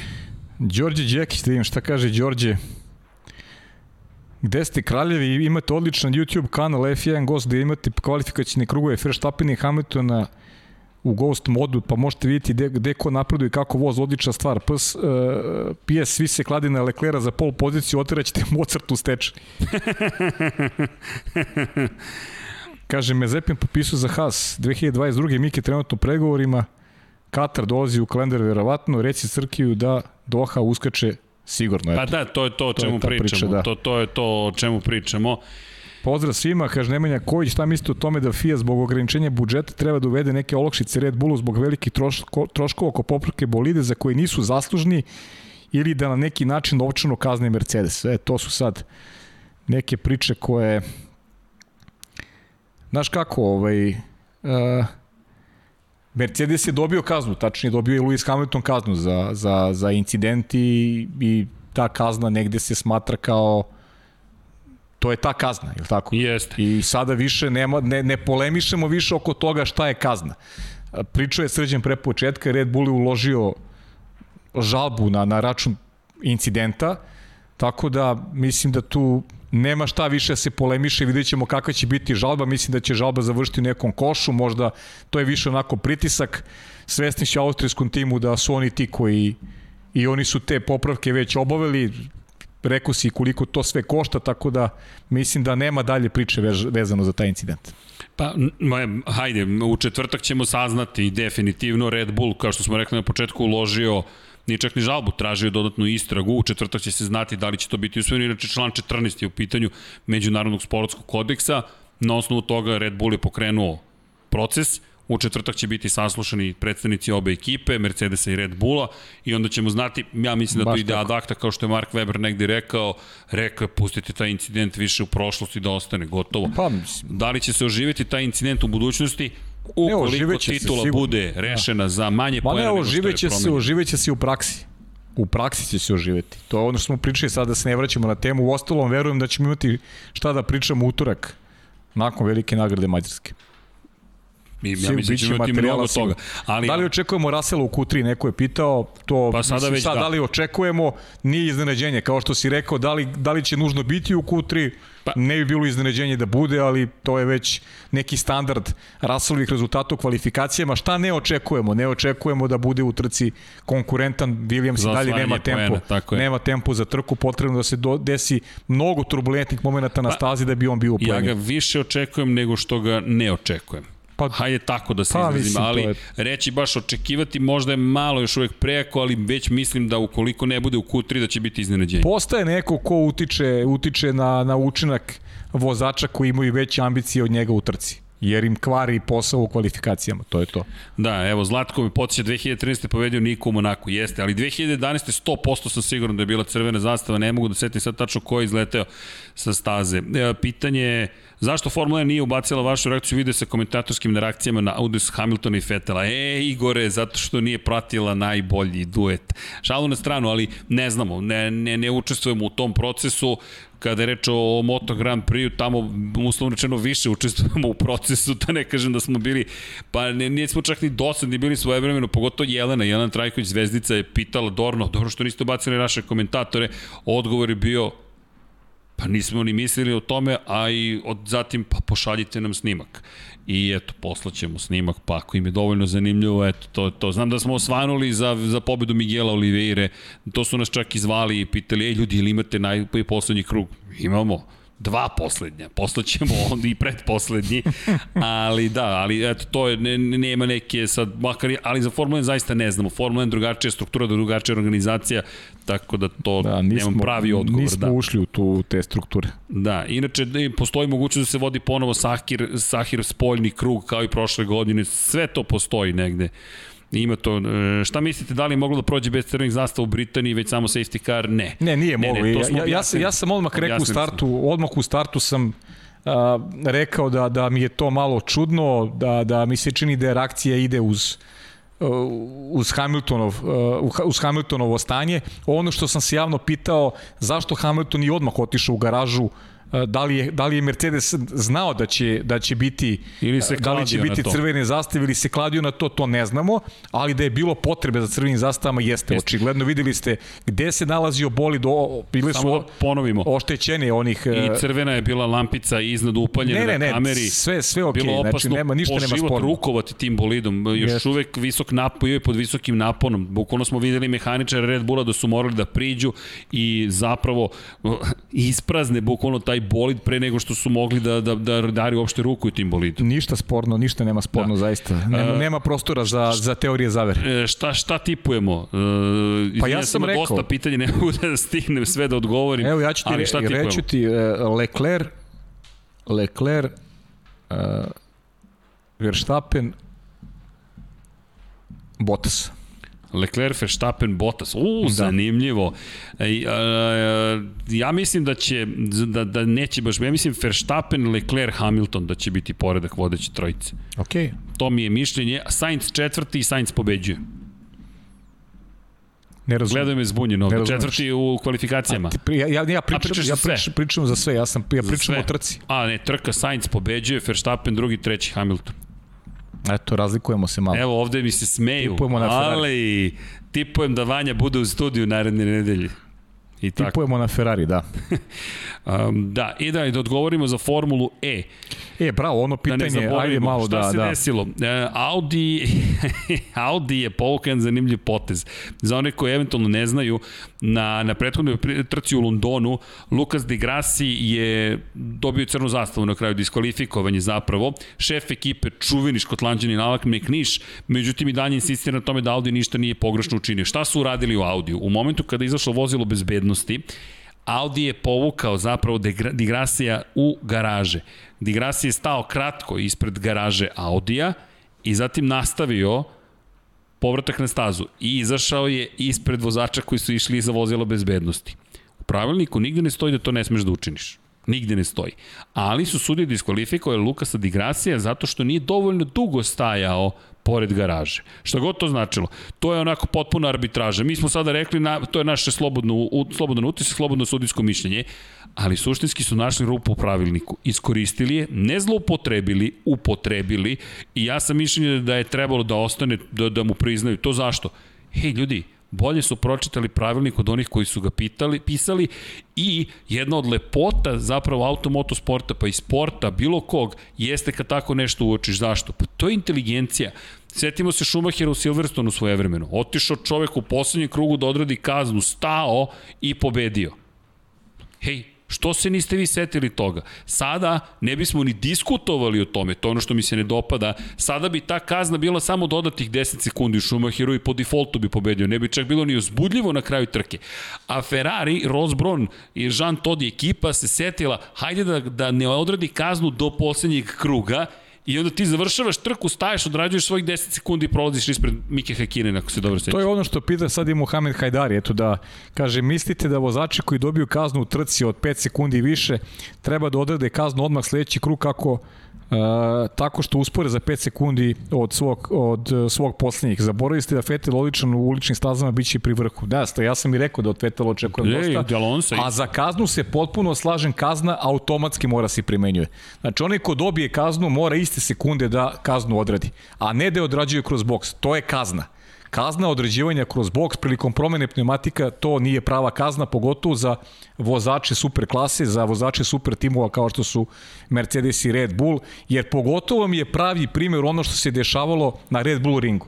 Kada Sergio Perez u dva navrata blokira Charles Leclerca, ima jednu kaznu, objektivno on je u plasmanu iza Leclerca, on ga blokira i drugi put. Mislim da to ne, to da nije da pošteno, da to, to nije sport. Ti si na stazi u momentu kada ne bi trebalo da budeš na stazi. Ne, ne, ne, ne smeš da budeš na stazi. I to je nešto što mora automatski da se odrađuje kazna, a ne da vozači to rade kad im se ćefni i da rade prilikom promene pneumatika. Eto, to, to je Mislim, jasno kao dan Slažem kada u pitanju naš stav. A, sad, bilo koji vozač, ne bilo, bilo ne, bilo koji vozač, nebitno, nije, nije bitno ko. Inače, kada pričamo o Formuli E, London E prije je bio održan i dva različita pobednika, Jake Dennis za Veliku Britaniju i Alex Lynn takođe za Veliku Britaniju, dva druga mesta za Nika De Vrisa, vodećeg u šampionatu sveta, šest pojena prednosti ima odnosno na Robina Frinca.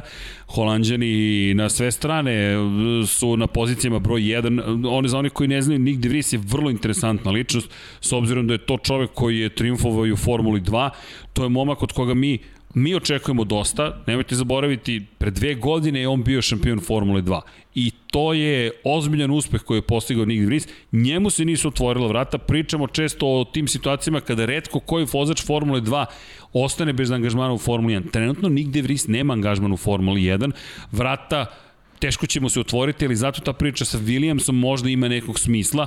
Ono što je pitanje da li zaista želi da ide u Williams kada ima fabrički fabrički bolid i šansu da bude šampion Formule E s Mercedesom, ne znam, to je na njemu da, da, da vidi šta tačno želi i gde ide, ali eto, Nick De Vries, da, da ga ne zaboravimo, i Robin Frins koji je takođe tu, još uvek su u igri i Sam Byrne i Jake Dennis, do nekli Antonio, Antonio Felix da košta, tako da poslednje dve trke u Berlinu će odlučivati o šampionu sveta i jedva čekam pravo da ti kažem da vidimo ko će tamo, ko će odneti pobede. Na programu se 14. i 15. avgusta, to je period kada je Formula 1 na odmoru, ali se vozi velika nagrada Austrije u Moto Grand Prix.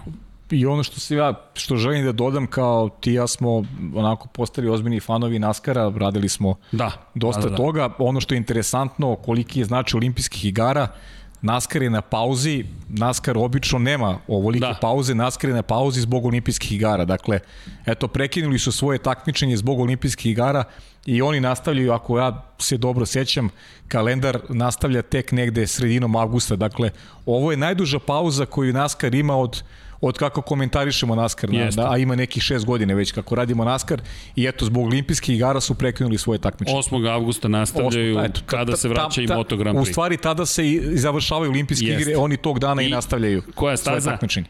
Koja? Ili Daytona beš? Ne, gledam tebe. Tvoja staza. Moja sta, Watkins Glen. Watkins Glen, kako? Pa Watkins naravno, Glen. Watkins Glen. Tako da Go Bowling at the Glen će biti uh, trka. Slušajte i našeg dragog kolegu Luku Spasovića. Da, Spasos, Spasovskog, Spasovski, Spasović, da. ne znam, svaki put čovjeku promenim prezim. Izvini Luka, evo Dom Pablo se uhvati za glavu. Šta da radite godine, vreme, Su prošle pune za spavanje? Nije to toliko, kaže prekidajte, nećemo da prekidamo. A, a, to Pablo rekao. Ako Pablo kaže prekidaj, pa ne, nemaš, nema nemaš teorije, izbor, nemaš ajmo sad još 300 pitanja. šalimo se Vanja, šalimo se Vanja. Mašo, ne zameri.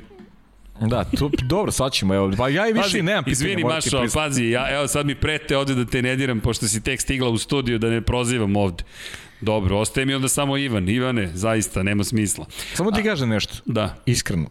Nikada nismo u ovoj meri ispoštovali pitanja kao sada. Ili nismo? A veruj mi, evo ja sam sva pitanja pročitao.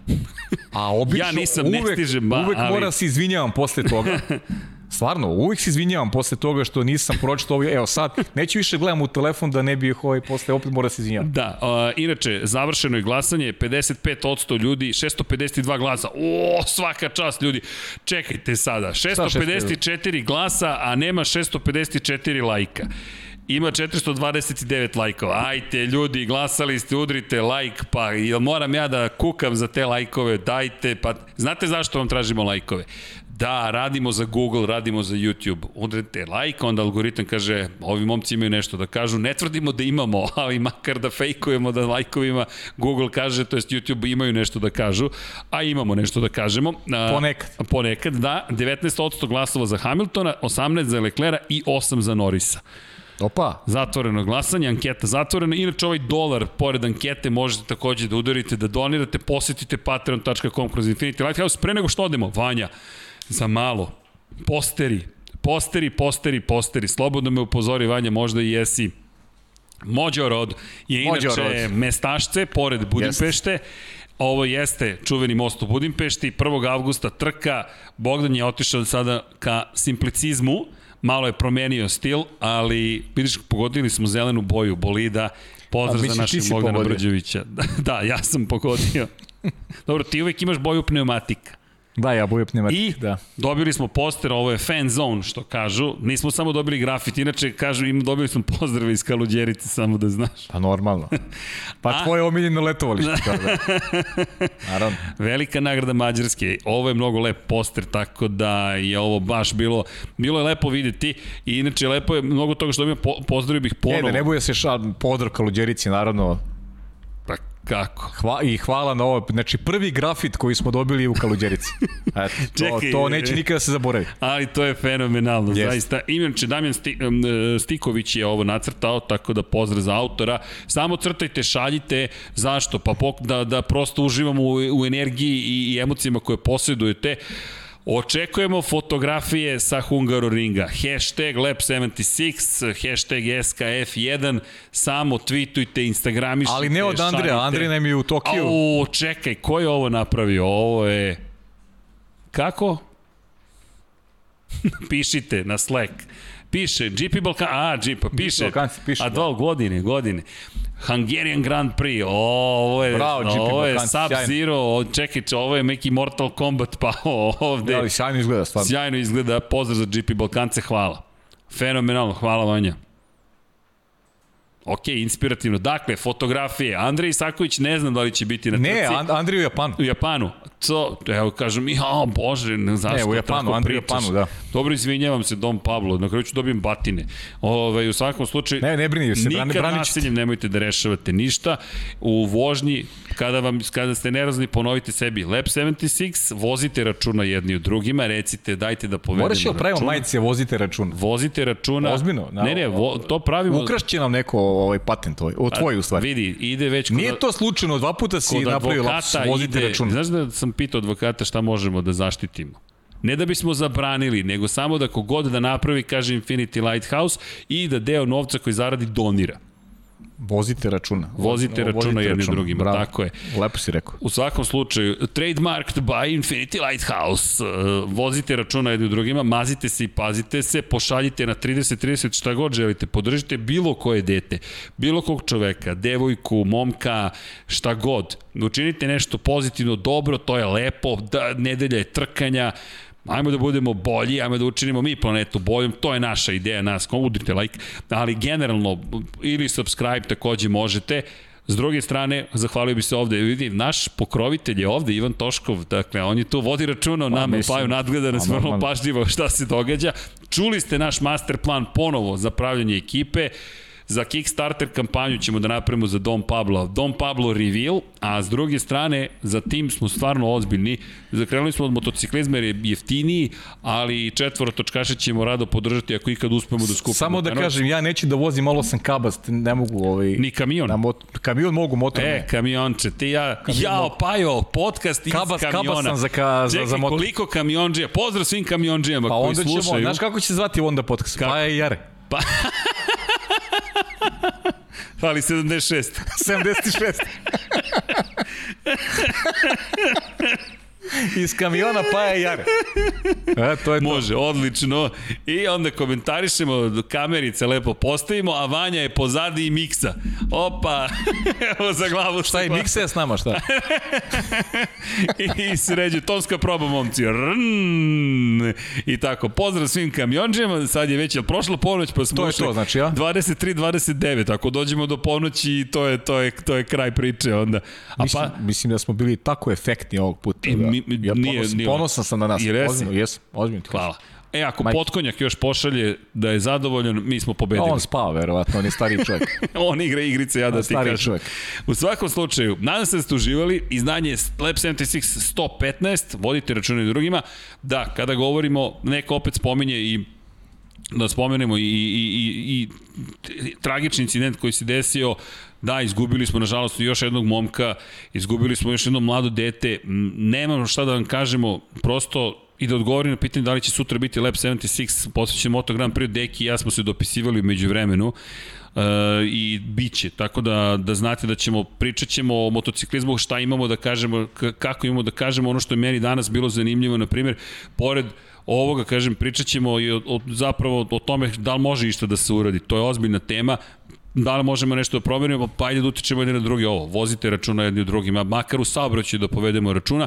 Što se tiče situacije koja nas je na, nažalost zadesila, da, izgubili smo još jedno dete i ne možemo da ga vratimo, ali eto, spomenut ćemo i ko je taj momak bio, šta je sve postigao, čime se bavio, podsjetit ćemo se još nekih stvari, no, tema će biti Moto Grand Prix, Fabio Quartararo inače tweetovao sve u svom trkačkom modelu, ono što je meni bilo zanimljivo, Quartararo imao Hamiltonovu kacigu na svom stolu, naš predlog je da dođe da vozi u Formuli 1, da se nađe sa vikendova, jer to se neće dogoditi, i eto, ime cijele ekipe Infinity Lighthouse celog i svih vas, pošto ste vi deo ekipe zajedno sa nama, mi vam želimo laku noć, želimo naravno da vodite računa o jedni u drugima, da pratite Lab 76, da pratite i radite neke lepe dobre stvari. I do sutra, kada je reč o Moto Grand Prix-u, budite nam dobro, a kada je reč o Formuli 1, do sledećeg utorka, Paja i Jare će voditi Jel u petak te... budite sa nama već, ovaj, znate gde. Formulu 1. Sport klub i uživajte u Formuli 1, a utorak ćemo naravno da analiziramo zajedno sa Vanjom šta se dešavalo na stazi. Vanja, pripremi se, e, imaćeš publiku, ja prilično sam siguran, to, to ćemo sad sve da se dogovorimo, a umeđu vremenu, ukoliko ti ne bude neprijatno naravno, ali ovo je pravi moment da završimo, pa je Jare se po, odjavljuju za večeras. Idemo, ajde. Veliki pozdrav i naravno, ćao svima! Ćao ljudi, lepo spavite.